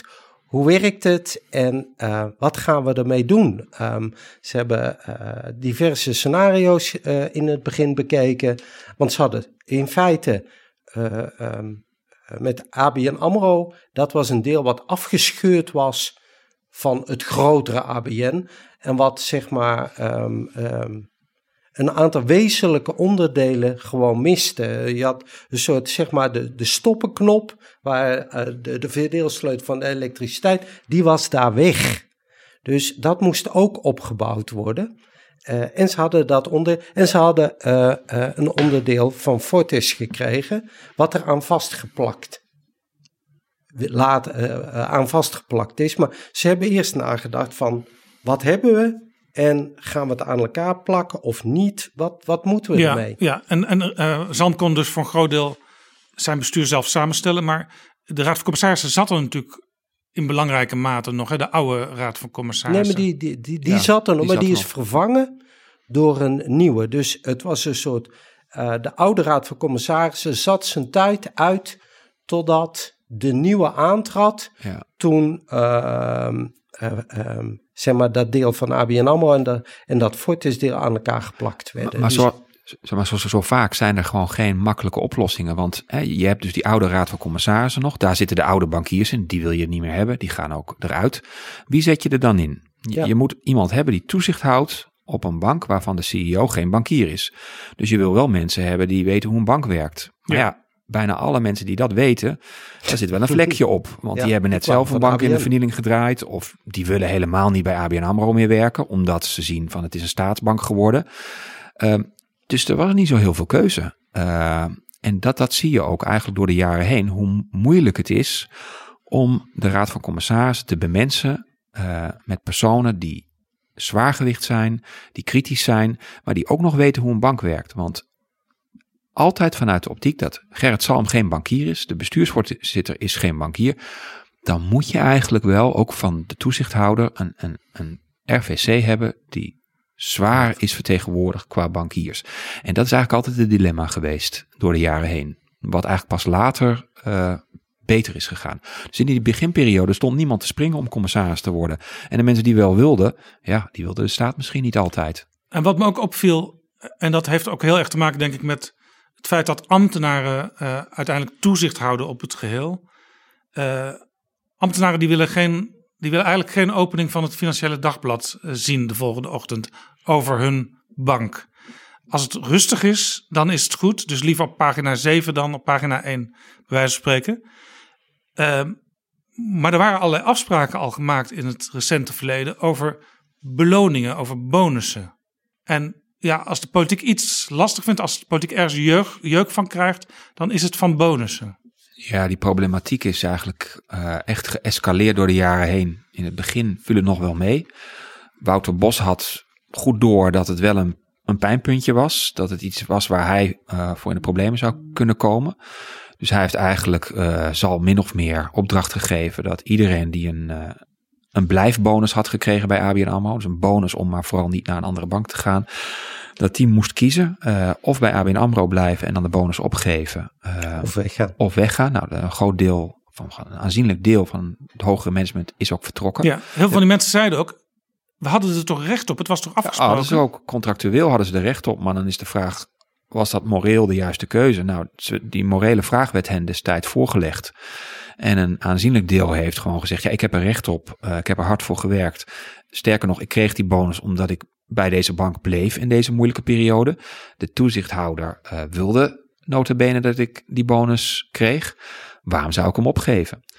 Uh, het ging ook om veel geld. Het ging om veel geld, ja. En ja. Bos koos ervoor om die lijn in het zand te zetten. Ik denk op zich destijds verstandig. En je ziet eigenlijk dat, uh, dat door de jaren heen is dat steeds strenger geworden. Ja. En is, is die wetgeving steeds verder aangescherpt. Maar is ook in de maatschappij steeds minder, uh, ja, is er steeds meer woede het over. Ging ook over je, ziet, je, ziet, je ziet iets heel interessants gebeuren. Uh, um, um, je ziet twee parallellen. Um, je hebt de bankencrisis en die gaat over in een uh, eurocrisis. En in die eurocrisis gaat uh, de man in de straat gaat pijn voelen van die economie. De werkloosheid gaat oplopen. Um, het gaat aan alle kanten. Bedrijven komen in de problemen, gaan failliet. Aan alle kanten gaat het pijn doen. De overheden moeten bezuinigen. En Wouter Bos, die heeft nog gezegd: oké, um, uh, bonussen mogen, maar ze mogen gemaximeerd zijn, klein.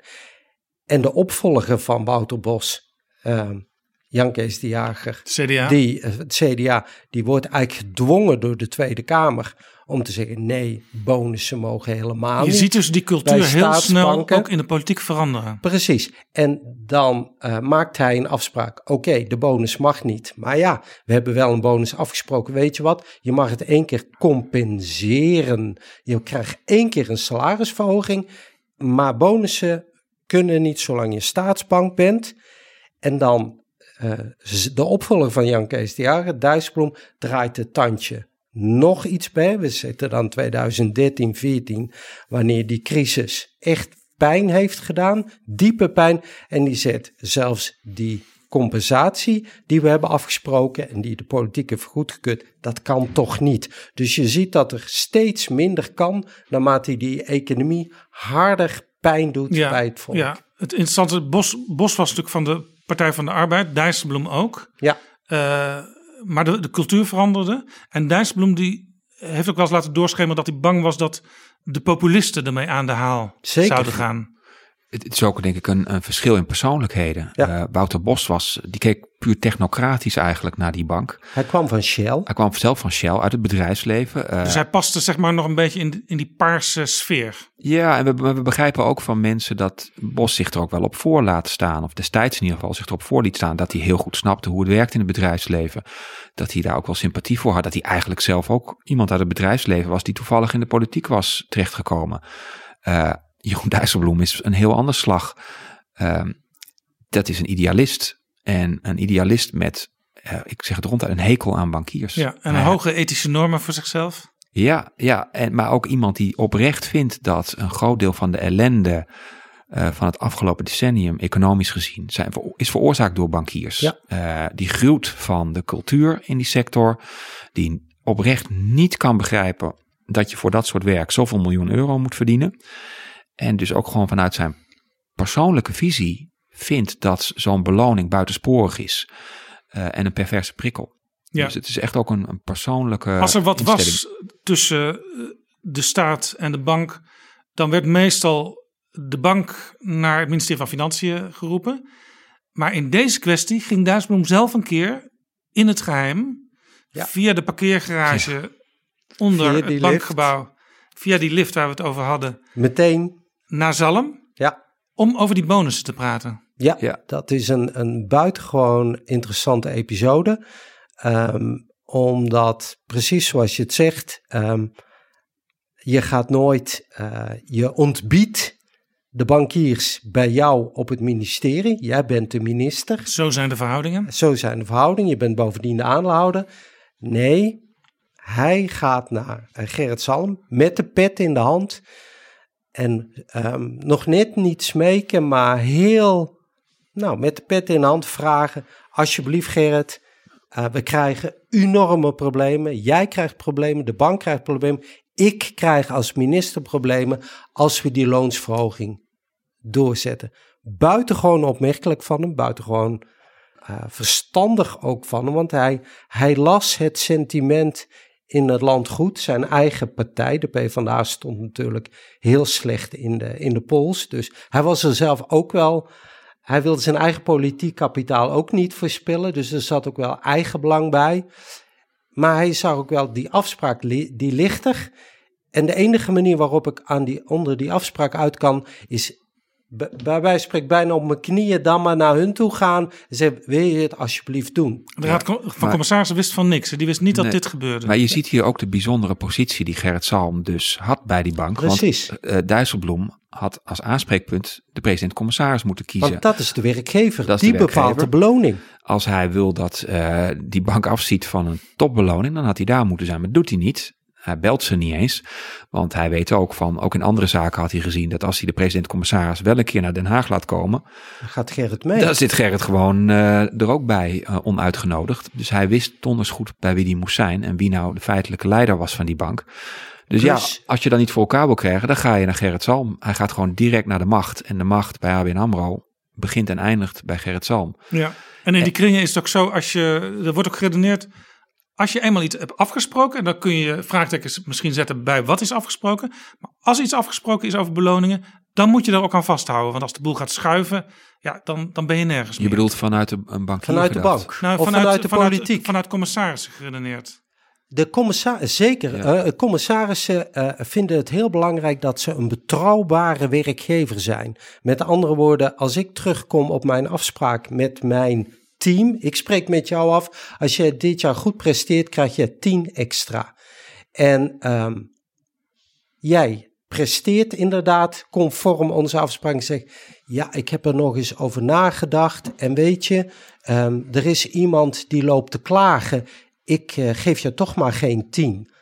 Dan vind je mij een on- onbetrouwbaar eh, sujet. Dus die commissarissen was er heel veel aan eh, om, om betrouwbaar te zijn. En ze vonden ook gewoon, eh, we hebben al zo vaak die beloning aangepast. We zijn begonnen met een bonus, toen een kleinere bonus, toen geen bonus, eh, toen een compensatie, nu geen compensatie. Dat ze ook vonden van, het is mooi, mooi geweest. En in de politiek is natuurlijk alles onderhandelbaar. Want uiteindelijk eh, het volk beslist. En als het volk iets anders vindt, dan ga je opnieuw onderhandelen. Ja, en dat maakt dus dat het heel ingewikkeld is om een staatsbank te hebben. Ja, Die moet is. concurreren met banken die wel 100% commercieel kunnen opereren. Uh, het zijn twee compleet verschillende werelden. Ja. En die twee werelden snappen elkaar niet. En die komen ook niet tot elkaar. En dat is ook wel te begrijpen, want inderdaad, uh, ABN AMRO, oké, okay, die concurreerde destijds en nu niet met Goldman Sachs en met Merrill Lynch. Uh, grote Amerikaanse zakenbanken waar je als bestuursvoorzitter uh, 30 miljoen verdient. Maar wel met Europese banken waar de, de, de bestuurders, die verdienen denk ik drie, vier keer zo weinig als hun uh, collega's in Duitsland en uh, Frankrijk bij even grote banken. Ja, maar ook, en... ook in Nederland. Ik wil, uh, de, de, wij maken elk jaar van die ranglijstjes van uh, de salaris van de topmannen. ABN AMRO staat stijf onderaan. En dan zul je zeggen, ja, zo so wat, het zijn banken. Maar ook ten opzichte van Rabo en ING, wat toch hun peers, hun gelijken zijn, daar bungelen ze onderaan. Ja. Um, en dat is, en dan zul je zeggen, is dat belangrijk? ja, in die kringen van bestuurders kijken ze, omdat die beloningen transparant zijn, wij publiceren ze, ze kunnen zien wat hun collega die hetzelfde werk doet bij de concurrent doet en die verdient dan fors meer. En het vervelende voor de minister van Financiën is dat journalisten altijd ook meteen in de jaarverslagen naar die pagina gaan. Zeker. En dat de oppositie en soms ook de regeringspartijen de minister van Financiën er altijd op aanspreken. Zeker, ja. ja. En tegelijkertijd wil ik toch nog even zeggen dat bankiers, en zeker die ook van ABN AMRO, tenminste ik ken daar heel wat, en jij ook Pieter, gewoon eigenlijk op een uitzondering na nooit hebben willen snappen dat uh, uh, mensen heel boos waren over wat er gebeurd is in 2007 en 2008 en de kredietcrisis en de banen die dat heeft gekost en de economische krimp die het heeft veroorzaakt. En dat, je het niet kan maken om uh, grote bonussen uit te delen. Tegenwoordig, anno 2020, het is nu een paar jaar zover dat de bestuursvoorzitter van ABN AMRO bijvoorbeeld zegt... Uh, ik doe een stapje terug in salariering. Uh, of dat uh, de topman van Rabobank uit zichzelf zegt: Ik zie af van mijn bonus. Ja, of nu bijvoorbeeld in de coronacrisis zeggen: Het gaat gewoon niet goed ja. met de economie, het gaat niet goed met ons bedrijf. Wij zien dit jaar af van. Ja, ben je twaalf jaar na de kredietcrisis. We hebben een nieuwe crisis. Maar nu begint het te landen. Nu begint het dan. Is het, ik durf te zeggen dat het wel geland is. Maar waar we het nu net over hadden, 2013, 14, 15 en 16 ja, uh, die, ba die bankiers wilden het gewoon, die wilden er niet aan. Die vonden het onzin en die vonden oprecht dat zij al het geld verdienden. En die wilden dus ook niet inzien, wil ik maar zeggen, dat de wereld echt veranderd was. En ja. uh, dat je daar wel heel hard tegenin kan gaan. Maar. Dus hier kan het, kan het wringen tussen staat en bank. Uh, andersom kan het ook wel eens lastig zijn, hè? want toen Jan Kees de Jager minister van Financiën was, had je die Griekenland-crisis. Ja. Politici, onder andere Rutte, riepen geen geld meer naar de Grieken. Dat gebeurde uiteindelijk toch weer. Um, maar de jager die had heel erg een houding van... de private sector moet ook helpen die Griekse crisis op te lossen. Nou, de private sector is natuurlijk ook in zekere zin nog steeds de bank ABN AMRO... die op een gegeven moment 1400 miljoen aan uh, leningen. geld, leningen had uitstaan in Griekenland. Ja. En de premier van Griekenland die belde zelfs Zalm op een gegeven moment. Als ja, ik me goed um, herinner.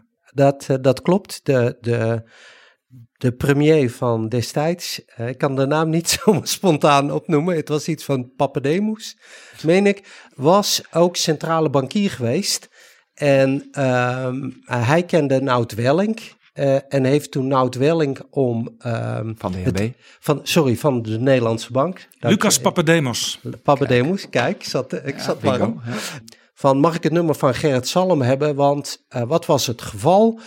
Um, uh, ABN AMRO had leningen aan semi-staatsbedrijven. De metro, de spoorlijn. En om de Griekse staat die feitelijk failliet was toch een beetje tegemoet te komen en, en in leven te laten, had inderdaad, hadden de Europese ministers van Financiën bedacht, oké, um, de bankiers die die lening hebben gegeven, die schrijven, uh, schelden een deel van die lening kwijt. Van oké, je hebt 1400, je hoeft mij maar 700, 600 te betalen. En uh, ABN AMRO had daar geen zin in, ook al omdat ze het zich niet konden permitteren. Want we zaten in die crisis, de bank had veel leningen aan het midden- en kleinbedrijf die ze al, um, nou ja, die, die slecht inbouw waren. Dus ze hadden niet zoveel ruimte. Want dan zouden er misschien vragen komen van veel meer bedrijven om schulden kwijt nou, te schelden. Uh, uh, die, die bank was heel solide en wilde solide blijven. En als ze te veel leningen moesten afschrijven, dan um, ging maar, zeg maar hun buffer eraan en waren ze niet meer solide. Dus Salm kon de Griekse premier en dus ook Jan Kees de Jager niet helpen? Uh, hij kon ze niet helpen, maar hij wilde ze ook niet helpen, omdat hij zei: ja, maar wat die Griek uh, ons vraagt, dat geldt niet voor ons. Het grappige was, hij was een van de weinige Europese banken die dat uh, vond. En hij bracht daarmee zijn eigen minister natuurlijk danig in de probleem, want die had in, in Brussel zijn handtekening gezet. Nee, wij gaan mee. En zijn eigen bank, zijn eigen staatsbank, zei: Nee hoor, we zijn geen filantropische instelling. We gaan niet mee. Wat wij hebben begrepen is dat er um, veel over gesproken is. Um, dat er druk is uitgeoefend. Maar dat uiteindelijk Salm uh, uh, de poot stijf heeft gehouden en dat ABN niet heeft moeten afboeken. Dus de strijd heeft gewonnen. Er was ook een moment dat er werd gedacht vanuit de bank: handig dat die Zalm onze baas is. Want dan kan die ons helpen in het geval wat er nu aan de orde is. Namelijk op een gegeven moment uh, was de Europese Commissie van plan, of de Europese Commissie had eigenlijk het besluit genomen dat ABN AMRO een deel van de bank voor het midden- en kleinbedrijf uh, moest verkopen. Ja. Want de Europese Commissie die ziet natuurlijk altijd toe op uh, hoe zijn combinaties wordt dat marktaandeel niet te groot in het Of in de het mededinging. De mededinging. Uh, over en wel wie ging daar nou over? Dat was Nelly Kroes. En Ja. dat was ook weer een partijgenoot, een VVD-partijgenoot van Ja. Zalm. Ja, dat was eh, eh, een moment dat zijn collega's eh, in de raad van bestuur in de top van de bank buitengewoon teleurgesteld was over de houding van Gerrit. Dus in die Griekse kwestie met de jager waren ze heel trots op hem. Van kijk, daar hebben we Gerrit voor, voor de politieke contacten. Dat heeft hij voor ons geregeld. In, eh, eh, je moet je voorstellen, dat onderdeel wat ze dan moesten verkopen, dat was het hart van de bedrijvenbank. Was heel belangrijk voor de toekomst van de bank. Europa zei, moet je verkopen als je, eh, als je verder wil.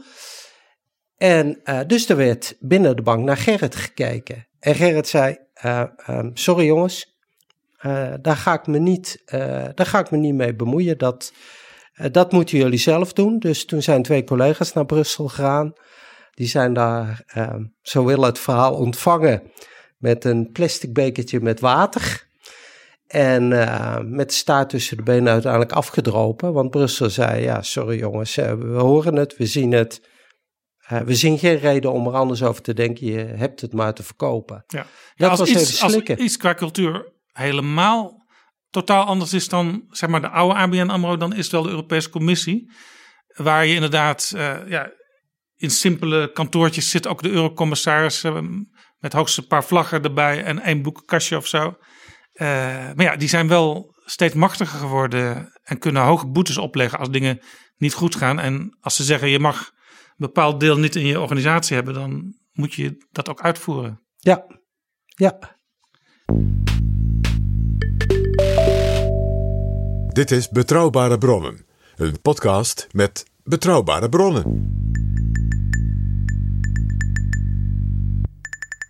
En ik praat met Ivo Bukkerink en Pieter Kouwenberg van het Financiële Dagblad, die een boek hebben gepubliceerd over ABN AMRO, de staatsbank.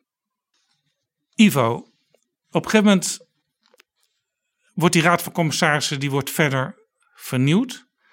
Er komt een mevrouw binnen, zij heet Olga Zoutendijk. En dat is eigenlijk voor Zalm het begin van een heleboel ellende. Ja, klopt. Ja. Ja, ja want eh, dan eh, eh, vindt er toch een niet al te stille revolutie plaats in, in de bestuurskamer. Want je Olga voor- Zoutendijk die kwam uit Australië. Die had vroeger wel voor ABN AMRO gewerkt. Maar die had dus een hele afstandelijke blik. En dat was eigenlijk wel verfrissend op dat moment. Nou, je, je moet het zien, eh, zeg maar, tegen de achtergrond van die, dat bestuur is druk bezig om naar de beurs te gaan. Dat is het, eh, het moment waar iedereen naartoe heeft gewerkt. Want dat zal betekenen dat eindelijk eh, die aandeelhouder, de Nederlandse sta staat, eigenaar, een deel gaat verkopen. En iedereen hoopt, nou, dat is het begin van de weg naar ja, zelfstandigheid. was ook het oorspronkelijke idee van Wouter Bos. Ja, ja, die Eh, dacht het alleen van dat het in een paar jaar kon. ja, maar in dat- drie jaar tijd dacht precies. hij dat is niet zo gegaan. Dat bleek niet zo, want eind 15 is het pas eh, gebeurd. Dus dat heeft eh, veel langer geduurd. Maar dat, dat team Zalm, dat zet alles op alles om, om dat voor elkaar te krijgen. En eigenlijk in eerste instantie een beetje, ja, niet heel prominent. Is er een nieuw lid van de Raad van Commissarissen, inderdaad Olga Zoutendijk. Voormalig ABN AMRO bankier. Ze heeft iedereen verteld dat ze weg is gegaan bij die bank. Omdat ze het niet eens was met de koers destijds van Rijkman Groening. Die alleen maar op aandeelhouderswaarde stuurde. Ze, dus eh, Financiën was blij met haar, want ze had nou, de dat juiste dat houding. is- ja, dat is natuurlijk iets wat, wat ze graag horen in Den Haag.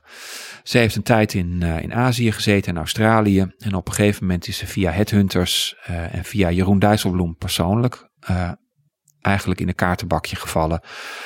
Uh, toen ze bij ABN AMRO een commissaris zochten. Dijsselbloem natuurlijk ook extra blij was omdat het een vrouw was. Ja, dat is uh, zeker. Veel te weinig vrouwen, ja, nog steeds in de toppen. Ja, en, en bij ABN AMRO destijds was, het, uh, heel, ging, was dat echt heel beroerd in de RVC, maar vooral ook in de top van de bank. Dus ja, een, een vrouw die ook nog heel veel weet van bankieren, stevig type, zo komt ze over qua persoonlijkheid. Die konden ze daar wel gebruiken, want ja, wat we eerder over hadden, Gert Salm is geen bankier, Joop Wijn vindt zichzelf een bankier en heeft lang bij Rabobank gezeten. Maar ja, natuurlijk heel lang geen bankier geweest. Uh, Carolien Prinsen was geen bankier. Johan van Hal, DIT, was ook geen bankier.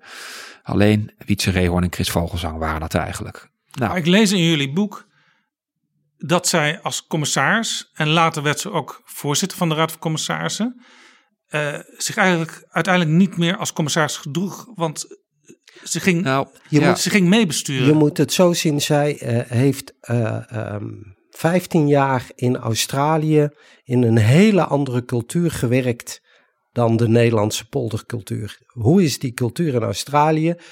We maken een afspraak. Als jij niet levert, dan schoppen we je er gewoon uit.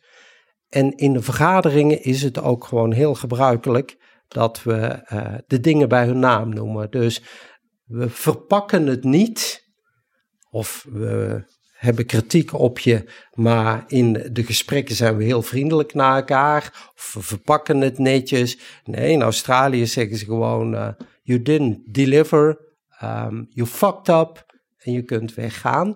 Ja, die cultuur heeft zij, uh, uh, die brengt ze dus binnen. Ja, en Zalm, die stond er al onbekend bij de commissarissen, lees ik in jullie boek. Als er een interessant idee werd geopperd door een commissaris, dan zei Zalm, ja, ik weet niet of dat nou wel zo'n goed idee is. Maar aan het eind van het gesprek zei hij dan, ik zal, ik zal er nog eens over nadenken. En dan een paar weken later bleek ja. dat hij helemaal geen aandacht meer aan de Wat ik zei, gewoon niet deed. In de context van dat bezoekje van Dijsselbloem, de macht bij ABN AMRO begon en eindigde bij Gerrit Salm, tot het moment dat Olga Zoutendijk binnenkwam.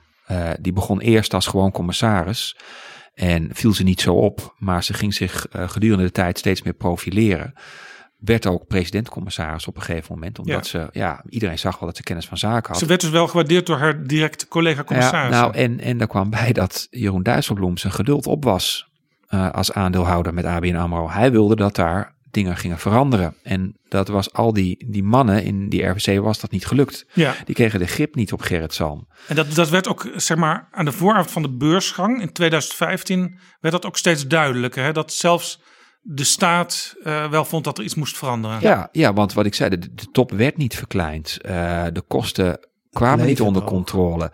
Uh, er waren best veel problemen met, in het buitenland met dingen die niet helemaal liepen zoals ze moesten volgens de regels. ABN AMRO kwam vaak in de publiciteit op negatieve wijze. de strategie ja, werd elke keer weer verfrist en onder een andere naam opgediend. Maar feitelijk bleef het dezelfde strategie. Ja, hij, Zalm had een houtskoolschets en uh, op een gegeven moment had hij een notitie van 66 pagina's, de A van ambitie. Ja, en, en daarna kwam Foresight. Dat was een en, lang verhaal. Ja, en daarna kwam Foresight en het had elke telkens een ander stickertje erop, maar feitelijk stond er hetzelfde. hetzelfde. Uh, en, en Dijsselbloem zijn geduld was op. Ja, en, en jij, jij zei, uh, de kosten werden ook niet structureel omlaag gebracht. En dat was wel een ding waar Zalm zelf heel erg aan hechtte. Hè? Maar dat ja. lukte hem dus ook niet. Nou ja, er waren beloftes gedaan die gewoon niet, uh, niet helemaal waargemaakt werden. Uh, ten opzichte van concurrenten als ING uh, deed ABN AMRO het wat dat betreft gewoon veel slechter. Maar ook elk jaar. En wat, wat zeg maar de aandeelhouder, maar ook de commissarissen zagen, als zij naar die bank keken, dan was het gewoon een bank die geen kant op ging. En waar Wouter Bos destijds in het begin heel blij zou zijn geweest met een bank die niet omviel en geen gekke dingen deed, uh, was dat anno 2015, 16 niet meer het geval. Want Dijsselbloem met name, maar ook de commissarissen vonden dat ABN AMRO verder moest. Want je zag nieuwe concurrenten opkomen. Toezichthouders keken anders naar banken, veel strenger nog. Uh, ja, uh, er was een beweging om meer vrouwen en, en meer diverse uh, mensen in de top te krijgen. Um, en dat gebeurde allemaal te weinig, vonden ze. En Olga Zoutendijk was iemand. Eh, wat, wat Pieter schetste over die cultuur waar ze vandaan kwam in Australië is helemaal waar. Maar haar persoonlijkheid was ook van die aard dat zij gewoon grote stappen wilde maken. En zij uh, nam zich op een gegeven moment voor dat, dat zij ervoor ging, voor ging zorgen dat die veranderingen wel plaats gingen vinden. En dat als iemand als Gerrit Salm daar geen zin in had, dat er dan consequenties zouden zijn. Salm klaagde in Den Haag over haar. Hij noemde haar naam niet eens. Hij had het over dat mens. Ja, dat Ja. was toen de relatie echt helemaal verzuurd was tussen beiden. Toen eh, kon hij haar naam niet eens meer uitspreken. Ehm, een gegeven moment moest er ook een bericht worden gemaakt om eh, geruchten te bezweren. Want het gerucht ging dat zij misschien zelf wel uit was op de positie van Zalm. Zelf voorzitter van het bestuur Ja. wilde worden. En toen werd ook een fotootje van die twee eh, ge- ge- gepubliceerd. Op het intranet. Ja, Ja, ja, ja, nou, op de- precies. De relatie was toen zo verziekt. Eh, en het bestuur en Gert Salm waren jarenlang niet gewend dat iemand kritiek op ze had.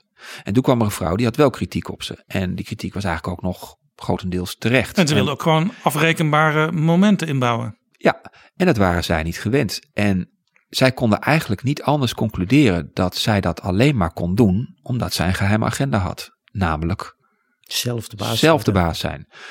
Eh, zonder twijfel zou Olga Zoutendijk het niet heel erg hebben gevonden om aan het eind van de rit bestuursvoorzitter van ABN AMRO te zijn geweest. Maar wij hebben geen bewijzen gevonden dat zij eh, met voorbedachte raden bezig was om Zalm uit het bedrijf te werken, zodat ze zelf bestuursvoorzitter kon worden. Zij vond dat het anders moest. Zij vond Gert Zalm een sta in de weg voor verandering. En eh, haar enige conclusie kon dan zijn, nou dan moest Gert Zalm maar weg. Zalm op zijn beurt eh, had, zat zo wantrouwen tegen haar dat ze hij echt alleen maar kon concluderen. Dat mens, zoals hij er dan noemde, doet dat alleen maar omdat ze op mijn baan uit is. Wat is project Graflax? Eh, ja, dat is een, eh, een hele mooie vraag. Eh, ik denk dat iedereen wel weet wat het is, maar ik zeg toch nog even, dat is in de Scandinavische keuken is dat zalm, rauwe zalm, die in de grond is gestopt, zodat het enige rottingsverschijnselen ondergaat. En dan dien je dat smakelijk op. Project Graflax eh, was de naam van het project dat Olga Zoutendijk en enkele medecommissarissen had gegeven aan eh, nou, het project om Gerrit Salm te vervangen. Dus Zalm in de grond begraven. Ja, daar komt het eh, wel op neer. Ik kwam mijzelf op een gegeven moment erachter dat dat project, dat die naam er was. Nou, laat ik het zo zeggen dat er weinig dingen waren die langs Gerrit Salm gingen. Gerrit Salm is iemand die uitstekende contacten heeft, heel veel weet en hoort.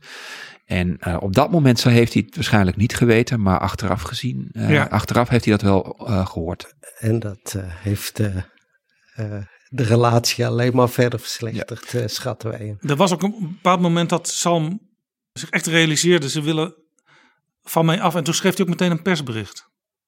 Ja, dat was iets eerder. Dat was eigenlijk voor eh, Zoutendijk. Dat was in de periode. Want Zoutendijk staat niet op zichzelf. Hè. Als je de grote lijn ziet. Het was een algemeen gevoel wat Kijk, op, Ger-. Gerrit Salm was een gewaardeerde bestuursvoorzitter van ABN AMRO. Die heel belangrijk werk had gedaan. Maar op een gegeven moment moest die bank verder, vond iedereen. En dan hebben we het over de periode Dijsselbloem. Maar de commissarissen voor Zoutendijk vonden dat eigenlijk ook al. Maar die kregen dus telkens maar geen grip op Zalm. Maar die probeerden wel om hem een bepaalde kant op te krijgen. Maar dat lukte maar niet. Ehm, waar je nu aan refereert is eigenlijk dus nog in de periode voor Zoutendijk. Toen dus haar voorganger, baron Rick van Slingeland. Rick van Slingeland, die we misschien kennen van Ja, de vingertje. foto met Jesse Klaver in de vingertje. Tweede Kamer. Ja, Het ja precies. De bonusbaron, De zoals hij werd gedoopt. Ehm, kijk, Rick van En Slingeland... je, ziet het, je ziet een beetje een, een, een grootvader bij zijn kleinzoon staan. Ja, van zo ja. zit de wereld niet in elkaar, Jesse. Ja, ja, op zich een hele beschaafde man die zich eh, die uit zijn slof schoot eh, destijds, inderdaad. Kijk, die, die probeerde Zalm met zachte hand te bewegen om eh, het juist te doen en om ook plaats te gaan maken op een gegeven moment. Want Ja, er werd ook tegen hem gezegd, je kan, je kan zelf het moment bepalen. Ja, dat was maar de handreiking. Ga daar wel mee aan de slag. kies nou zelf, dan mag je het zelf doen, maar dan, dan zetten we al iemand klaar die jij vertrouwt. Zijnde Chris Vogelsang in dat geval, dat was Ja, wel de protégé van Gerrit van eh, Zalm. Zalm. Ja. Dus daar kon hij kon die echt alleen maar mee akkoord zijn. En dan mocht hij zelf het, het moment kiezen. Ergens na de beursgang. Maar het punt was dat eh baron Rick van Slingerland eh, op een gegeven moment terugtrad. En werd vervangen door Olga Zoutendijk. En Olga Zoutendijk was wat minder van de zachte hand, zoals de baron dat wel was. En die had eigenlijk geen boodschap aangemaakte afspraken. En die vond eh, het eigen moment kiezen door de bestuursvoorzitter. Ja, dat kan ook over twee jaar zijn. En zij Het was ook heel erg de, de Dat is de Nederlandse Wat- oplossing. Wat De- Salm uitstraalde, hè? Dat ja, hij wilde, hij wilde net als de paus, wilde die, eh, de paus wordt dood uit het Vaticaan gedragen. Hij wilde ook eigenlijk in de kist eh ABN AMRO ABN uitgedragen worden. ja. Dat zei hij als grapje tussen Maar eigenlijk meende hij het nog ook. Maar hij meende het wel. Ik heb een keer een, eh, een interview met hem gehad. Dat was in 2014 als FD-verslaggever. Toen vroeg ik hem ook van, goh, hoe lang wil je nog blijven? En toen zei hij, oh, nog minstens twee termijnen. Minstens. Ofwel, nog acht jaar. Nou, toen had hij er al heel wat op zitten. Ehm, hij wilde er niet weg. Nee. Eh, Maar op, op een gegeven moment werd het allemaal strenger en strenger onder Ja. invloed van die, toch die nieuwe Ja. eh, raad en harder. En eh, ja, En toen moest iedereen, de topmanagers moesten een assessment doen. En ook Zalm die werd weer een keer getest. Eh, zelfs de grote baas moet dus getest worden. En ja, Zalm die kan, kan soms zo, zo open zijn dat hij eh, als grapje iets vertelt wat, waar een hele harde waarheid in zit. Want er was toen een bijeenkomst met topmanagers waarin Zalm wat vertelde over de gang van zaken. En toen zeiden ja, ik heb ook al eh, assessment gedaan. En wat ze zeiden was uitermate geschikt om met pensioen te gaan. Ja. Iedereen lachen natuurlijk. Ja, behalve eh, de, de zogeheten compliance officer. Dat is eh, iemand die een beetje kijkt of de regels eh, worden nageleefd. Want die, die schrok zich een hoedje. Want ehm, dat is bij de toen beursgenoteerde onderneming, heet dat koersgevoelige informatie. Want je speculeert over je vertrek. Je speculeert over je vertrek. En waarom was dat juist op dat moment gevoelig? Omdat eh 2,5 maand of drie maand tevoren Ivo en ik in de krant hadden geschreven: Zalm gaat vervroegd weg bij de bank. Op 19 juli 2016. Precies, drie maanden ervoor. Dus. wat toen ontkend werd. En wat toen door ABN ontkend AMRO. werd Uiteraard. door ABN. Dus zij dachten: goh, er zitten hier 100 mensen in de zaal. Zalm speculeert hier op En blijkbaar hebben ze bij het FD vertrek. bronnen bij En- ons. Misschien wel in deze zaal. Precies, dit houden wij niet onder ons. Dus die heeft in paniek juridische zaken gebeld. Die heeft met de commissarissen contact opgenomen en gedacht: ja, wat moeten we hier nu mee? En daarmee eh, heeft Zalm eigenlijk zijn vertrek nog eh, vers- ge- ja, Ja, hij was, versneld. hij was toen uitgespeeld al. Hij Ja, was uitgespeeld. in die Dus zin een paar dagen later kwam dan echt de officiële aankondiging. Ja, Ja. Nou ja, wat meespeelde behalve dit was ook dat ehm Dijsselbloem zijn geduld was op. Ja. Dijsselbloem wilde niet meer dat dit nog lang zou voortsudderen. Want die had ook alle publiciteit gezien. Die zag ook hoe moeizaam dat ging. Die zag de ruzies tussen eh, commissarissen en bestuur. Die wilde dat het opgelost werd. En zolang Gerrit Salm niets zou zeggen van nou, dan ik vertrek en een datum zou geven. Ja, kwam er geen einde aan. Dus Dijsselbloem had het gewoon ook een paar weken daarvoor op scherp gezet. eh, valt te lezen, het boek. En ja, daarmee had Gerrit Salm eigenlijk ook geen speelruimte meer Ja. om nog eh, dwars te liggen. Eigenlijk de conclusie. ja, en, En- dat- en wat- wat Pieter en dat zegt, maakt- gesprek, ja, eh, maakte dat, het- dat, is die slip of dat grapje Maakt van het hem. urgenter nog. Dat, dat, dat was het, eh, het instrument om in actie te komen voor die commissarissen. Dus alles lag er klaar en dit was de mooie Het gelegenheid. was net een druppeltje in de... in de Exit emmer. Gerrit Zalm. Ja. Toen kwam uiteindelijk Kees van Dijkhuizen daar. Ja. Ehm, dus niet meer eh, de, de protégé die Gerrit Zalm zelf eh, had gewild, Chris Vogelzang. Ook niet eh Fijke Siebesma, die ook nog eventjes achter Kijk de schermen... Heel serieus Nou ja, dat, Ja. Was, Beeld is dat was de favoriet van Jeroen Dijsselbloem. Jeroen Dijsselbloem heeft zijn uiterste best gedaan. Eh, ehm, hij was er namelijk niet van, eh, eh, heel simpel. De commissarissen wilden een bankier hebben, een ervaren bankier. Zij hadden er ook een aantal op hun lijstje. En Jeroen Dijsselbloem was niet ervan overtuigd dat een bank geleid moest worden door een bankier. Juist niet. Omdat hij zei, kijk eens wat voor ellende we dan krijgen. Dus hij wilde geen, juist geen bankier. Hij wilde een ervaren bestuurder met een maatschappelijke antenne. Nou, daar was er in Nederland één van. Fijke Ja. Siebesma van DSM, die met een duurzaamheidsagenda bij dat bedrijf bezig was. En ook zijn aandeelhouders tevreden hield. Dus hij heeft eh, hemel en aarde bewogen om Fijke Siebesma daar te krijgen. Alleen, En die heeft ook even getwijfeld. die heeft getwijfeld, die heeft bedenktijd gevraagd, Ja, nog ja. meer bedenktijd. Wekenlang. En, en, en dat heeft de boel ook enorm bemoeilijkt, want die commissarissen konden geen kant uit, want die moesten wachten op het antwoord van Fijke. Ja, en Fijke hij heeft- werd ook wel door die commissaris geaccepteerd als Ja, hij het Nou, zou ja, worden. maar het is eigenlijk in, de, in de, de, de, volgens de bestuursregels is het echt not done dat de aandeelhouder, Jeroen Dijsselbloem, niet eens de eigenaar van ABN AMRO, maar de aandeelhouder, één van de aandeelhouders, dat die vervolgens zijn eigen kandidaat voor bestuursvoorzitterschap naar voren schuift en tegen de commissarissen zegt, ze eigenlijk dwingt, ik wil deze persoon. Want het is absoluut niet aan hem. Absoluut niet aan hem. Dat is aan de commissarissen. Om, Ja, dus eigenlijk te wat de, de overheid Hij schoof ze opzij. in het begin te weinig heeft gedaan. Ja, onder deed Dijsselbloem. Dijsselbloem, Dijsselbloem te veel. terwijl de Nou, beursgang al geweest was, ja. nu te veel. Ja, Dijsselbloem had iets van, nou, eh, mijn geld zit erin. Eh, ik ga er wel voor zorgen dat er iemand komt te zitten die we kunnen vertrouwen. Valt wat voor te zeggen, maar volgens de, volgens de bestuursregels is het echt, kan het niet. Want ja, dan kan elke aandeelhouder daar wel een mening over Ja. hebben. Uiteindelijk werd het Kees van Dijkhuizen, daar was Financiën ook blij mee, want die, hij kwam zelf van Oude Financiën topambtenaar van oorspronkelijk. Ja, Financiën. weer een ambtenaar. En die voerde ook, er was nog steeds een roep van kom nou eens met een strategie en waar staat die bank nou eigenlijk voor? Hij ging eigenlijk hetzelfde doen wat eh, eh, Fijk Sibsma al bij eh, DSM had gedaan, duurzaamheid als doel. Ja, Kees van Dijkhuizen was een groot fan van eh Fijke Siebesma. Hij was zeer onder de indruk wat, eh wat Siebesma bij DSM had gedaan. Hij heeft ook raad gevraagd aan Siebesma wat hij met ABN AMRO moest doen. En dat, die gaf Sibsma ook die raad. Ja, ja. en hij, eh kijk, achteraf gezien, Kees van Dijkhuizen vindt eigenlijk dat hij altijd al de duurzame agenda hoog in het vaandel had. Ehm, maar hij, hij- heeft ook heel erg eh, getwijfeld of ABN AMRO daar klaar voor was. Ehm, en heeft ook heel lang over gedaan om hem te formuleren en om hem uiteindelijk aan de bank voor te leggen en te implementeren. Eigenlijk is dat nu eigenlijk pas eh, een jaar gaande. Ehm, dus ja, ja hij, heeft die, hij, heeft die, eh, hij heeft zich laten inspireren, laten we het zo zeggen, door Fijke Siebesma. Eh, en, en ik denk dat hij daarmee ook al wel een maatschappelijke trend te pakken had op dat moment. Want dat begon toen ook echt eh, een grotere rol te spelen.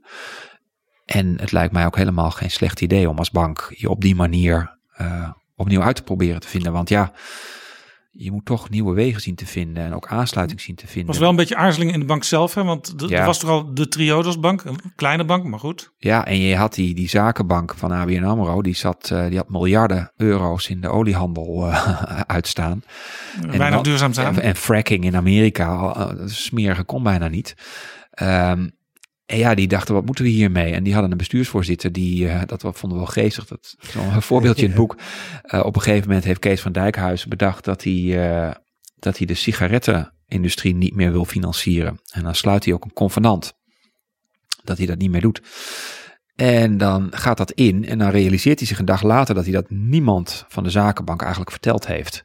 En het wordt, dan is persbericht al verstuurd. En die zakenbankiers van ABN AMRO worden vervolgens overspoeld met telefoontjes van eh, hun klanten. Van wat moeten we hiermee? Wat gaan jullie nou ons krediet opzeggen? Maar die bankiers weten van niks.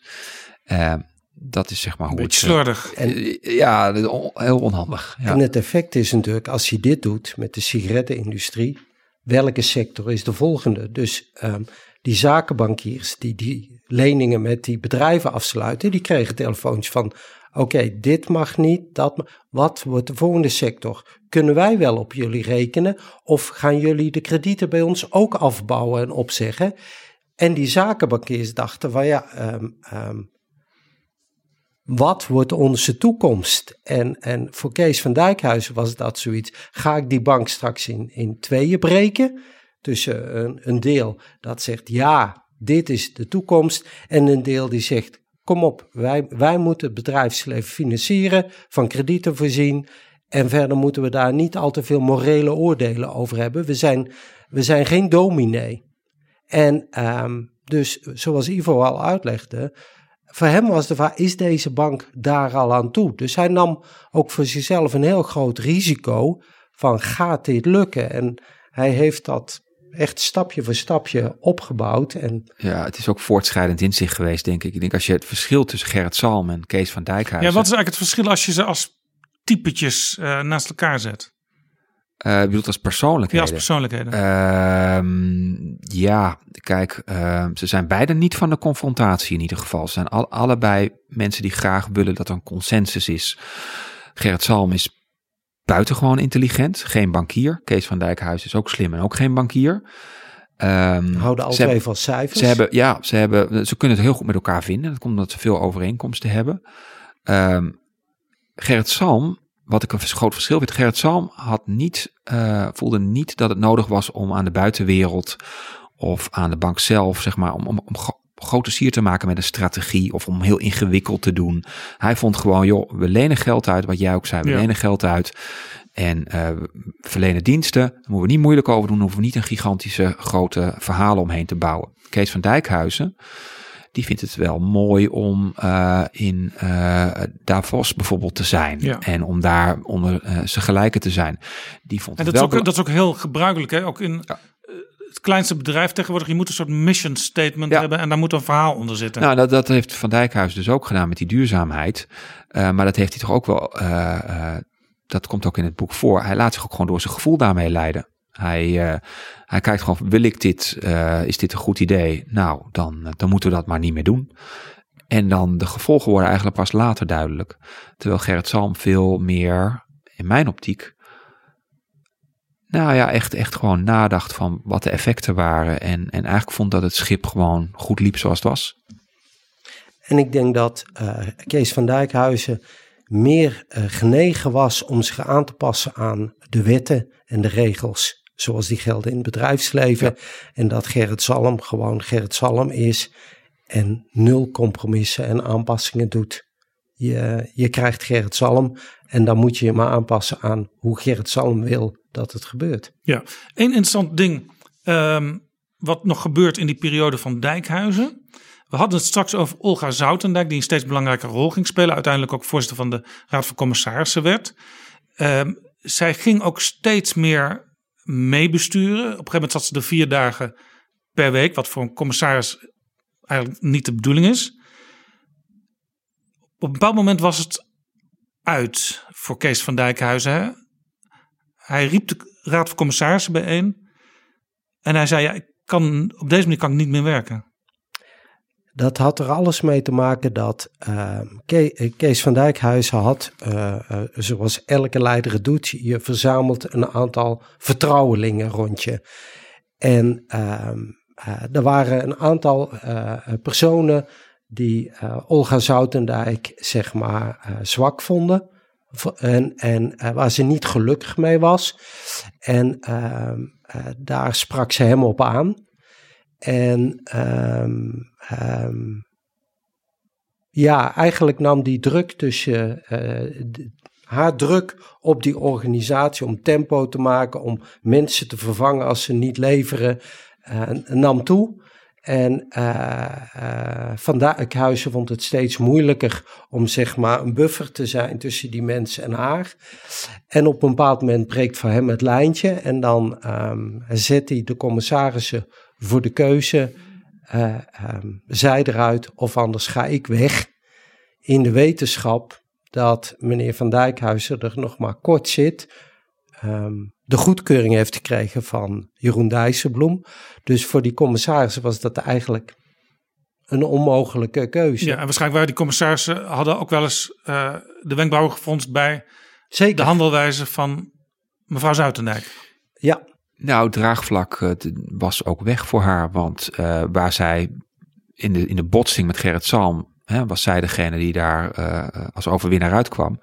Nou, je kan best één keer een bestuursvoorzitter uit de bank krijgen. Maar als je het vervolgens eigenlijk nog een keer gaat doen, want die kant ging het wel op. Het, het, het was weer zo aan het verziekt raken dat het uiteindelijk waarschijnlijk geleid zou hebben tot het vertrek van Kees van Dijkhuizen. Ja, een tweede keer kun je niet uitleggen. Nee. Gewoon niet uit te leggen. Dus ook. Uh, binnen de, eh, binnen de, ja, binnen de top van de bank. Nam haar draagvlak af. Mensen die vonden dat Olga Zoutdijk in principe uh, goede dingen deed. Uh, ja, die, die, die zagen toch ook dat dit niet nog een tweede keer kon gebeuren. Zij mocht nog even haar eigen afscheidspersbericht schrijven. De volgende ochtend opent het FD met het vertrek.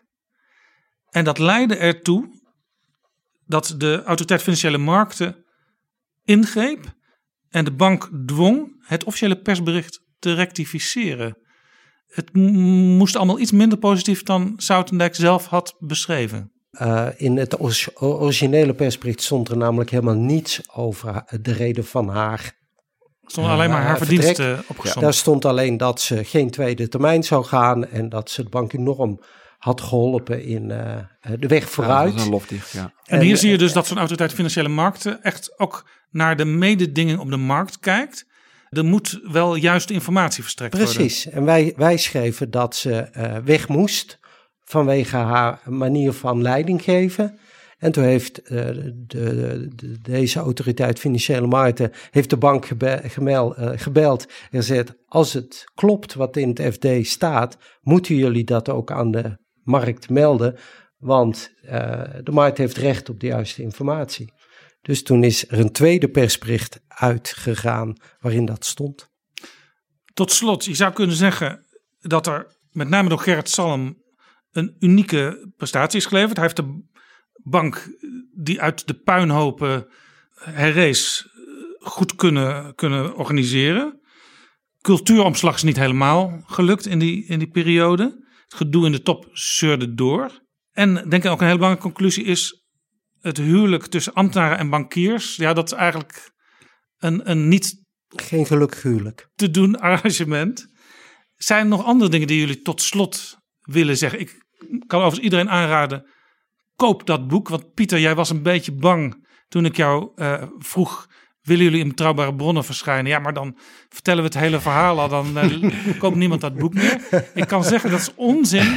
dit is maar een, nou, misschien een, een, een achtste of zo van, het, van wat er allemaal aan prachtigs in het boek staat. Dankjewel. Dank. Wat is jullie ultieme conclusie, nu jullie het boek af hebben? Zullen we alle twee wat vertellen? Ja, is goed. Uh, ja, ja. Uh, wat mij heel erg is opgevallen is dat um, die twee werelden zo. Uh, ze spreken alle twee ABN. Um, maar daarmee houdt elke overeenkomst op. Bankiers begrijpen niet hoe de politiek werkt, oprecht niet.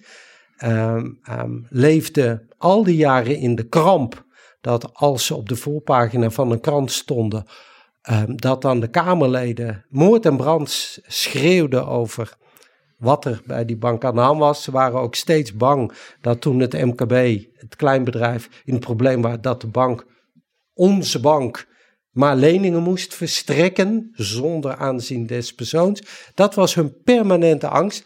Omgekeerd begrepen die politici niet, dan snappen die bankiers niet dat bonussen niet kunnen in deze tijd en dat avonturen in het buitenland niet kunnen. Dus het belangrijkste is, ze begrijpen elkaar oprecht niet.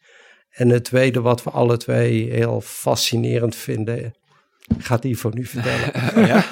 Nee, maak hem even af. Ivo krijgt okay, wat, wat, wat, wat, wat, wat, we, waar, wat, zo, dat het ook allemaal uh, uh, heel menselijk is van een, een man die uh, gewoon geen afscheid wil nemen, die het zo lekker daar heeft, denkt: um, het gaat goed, ik heb een fijne baan, ik hoef niet te hard te werken, het gaat hartstikke goed. Ik wil dit tot mijn pensioen, sterker nog, ik wil dit tot mijn dood doen.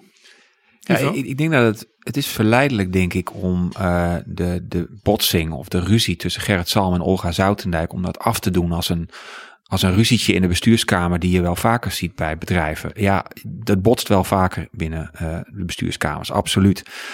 Maar wat je zelden ziet volgens mij is dat dat zulke diepe sporen trekt binnen een organisatie. Ja. Uh, dat het zoveel invloed heeft op de keuzes die wel en niet gemaakt worden. Uh, de vertraging die uh, het heeft veroorzaakt binnen de bank bij het uitvoeren van plannen. de paranoia die het heeft veroorzaakt in de hoofden. niet alleen in de top, want je, wat je dus heel erg bij ABN AMRO ziet, is dat het zijpelde allemaal door naar beneden tot gewoon op de werkvloer bij de mensen. Iedereen in die bank had daar last van. Niemand wist waar ze aan toe waren. Het, was, het ging echt heel diep. En uh, ik denk dat ABN AMRO veel verder had kunnen zijn uh, als dit niet op die manier was gebeurd.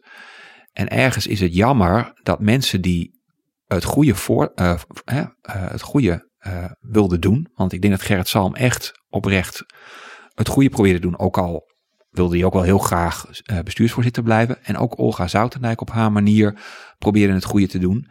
Maar omdat die zo ver uit elkaar zaten en omdat iedereen eigenlijk gedwongen werd om daar een kamp te kiezen, ja, is daar gewoon eh, best wel veel ellende geweest die toch heel lang doorzinkt. Uh, het heeft er ook voor gezorgd dat de staat geaarzeld heeft bij de verkoop van nieuwe tranches aandelen. Als het niet gebeurd was, durf ik te zeggen, dan, dan was de staat veel verder geweest met de afbouw tegen hogere prijzen. En misschien zelfs al helemaal uit ABN AMRO geweest. En het is makkelijk om dat achteraf te zeggen, maar ja, het, het, het heeft, mijn grootste verbazing was hoe, hoe diep deze ruzie eigenlijk ging. Ja, ruzie, ik noem het ruzie, maar op alle vlakken was dit een... Uh, hoe diep het ingreep op alles, waardoor we nu nog steeds uh, aandeelhouder bij deze bank zijn en waarschijnlijk nog heel lang zullen zijn. Ja, dus de, de bank is nog steeds niet volledig marktpartij geworden. Nee. Nou, meer dan de helft van ABN AMRO is nog gewoon in handen van de staat.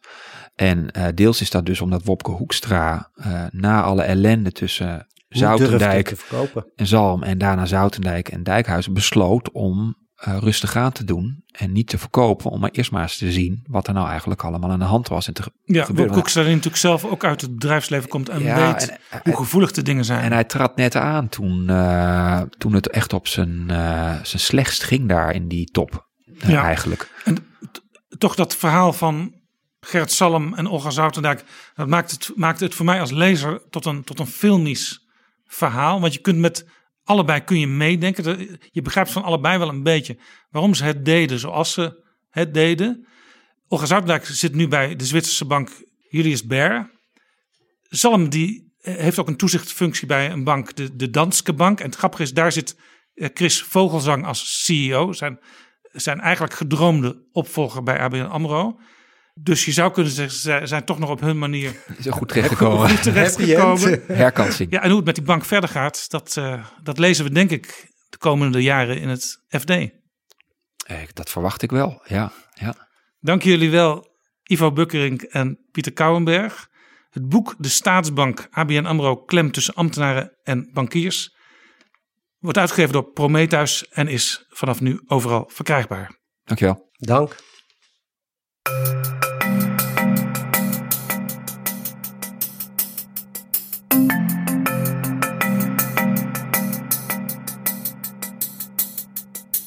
Zo, dit was Betrouwbare Bronnen aflevering 102. Deze aflevering is mede mogelijk gemaakt door We Nederland.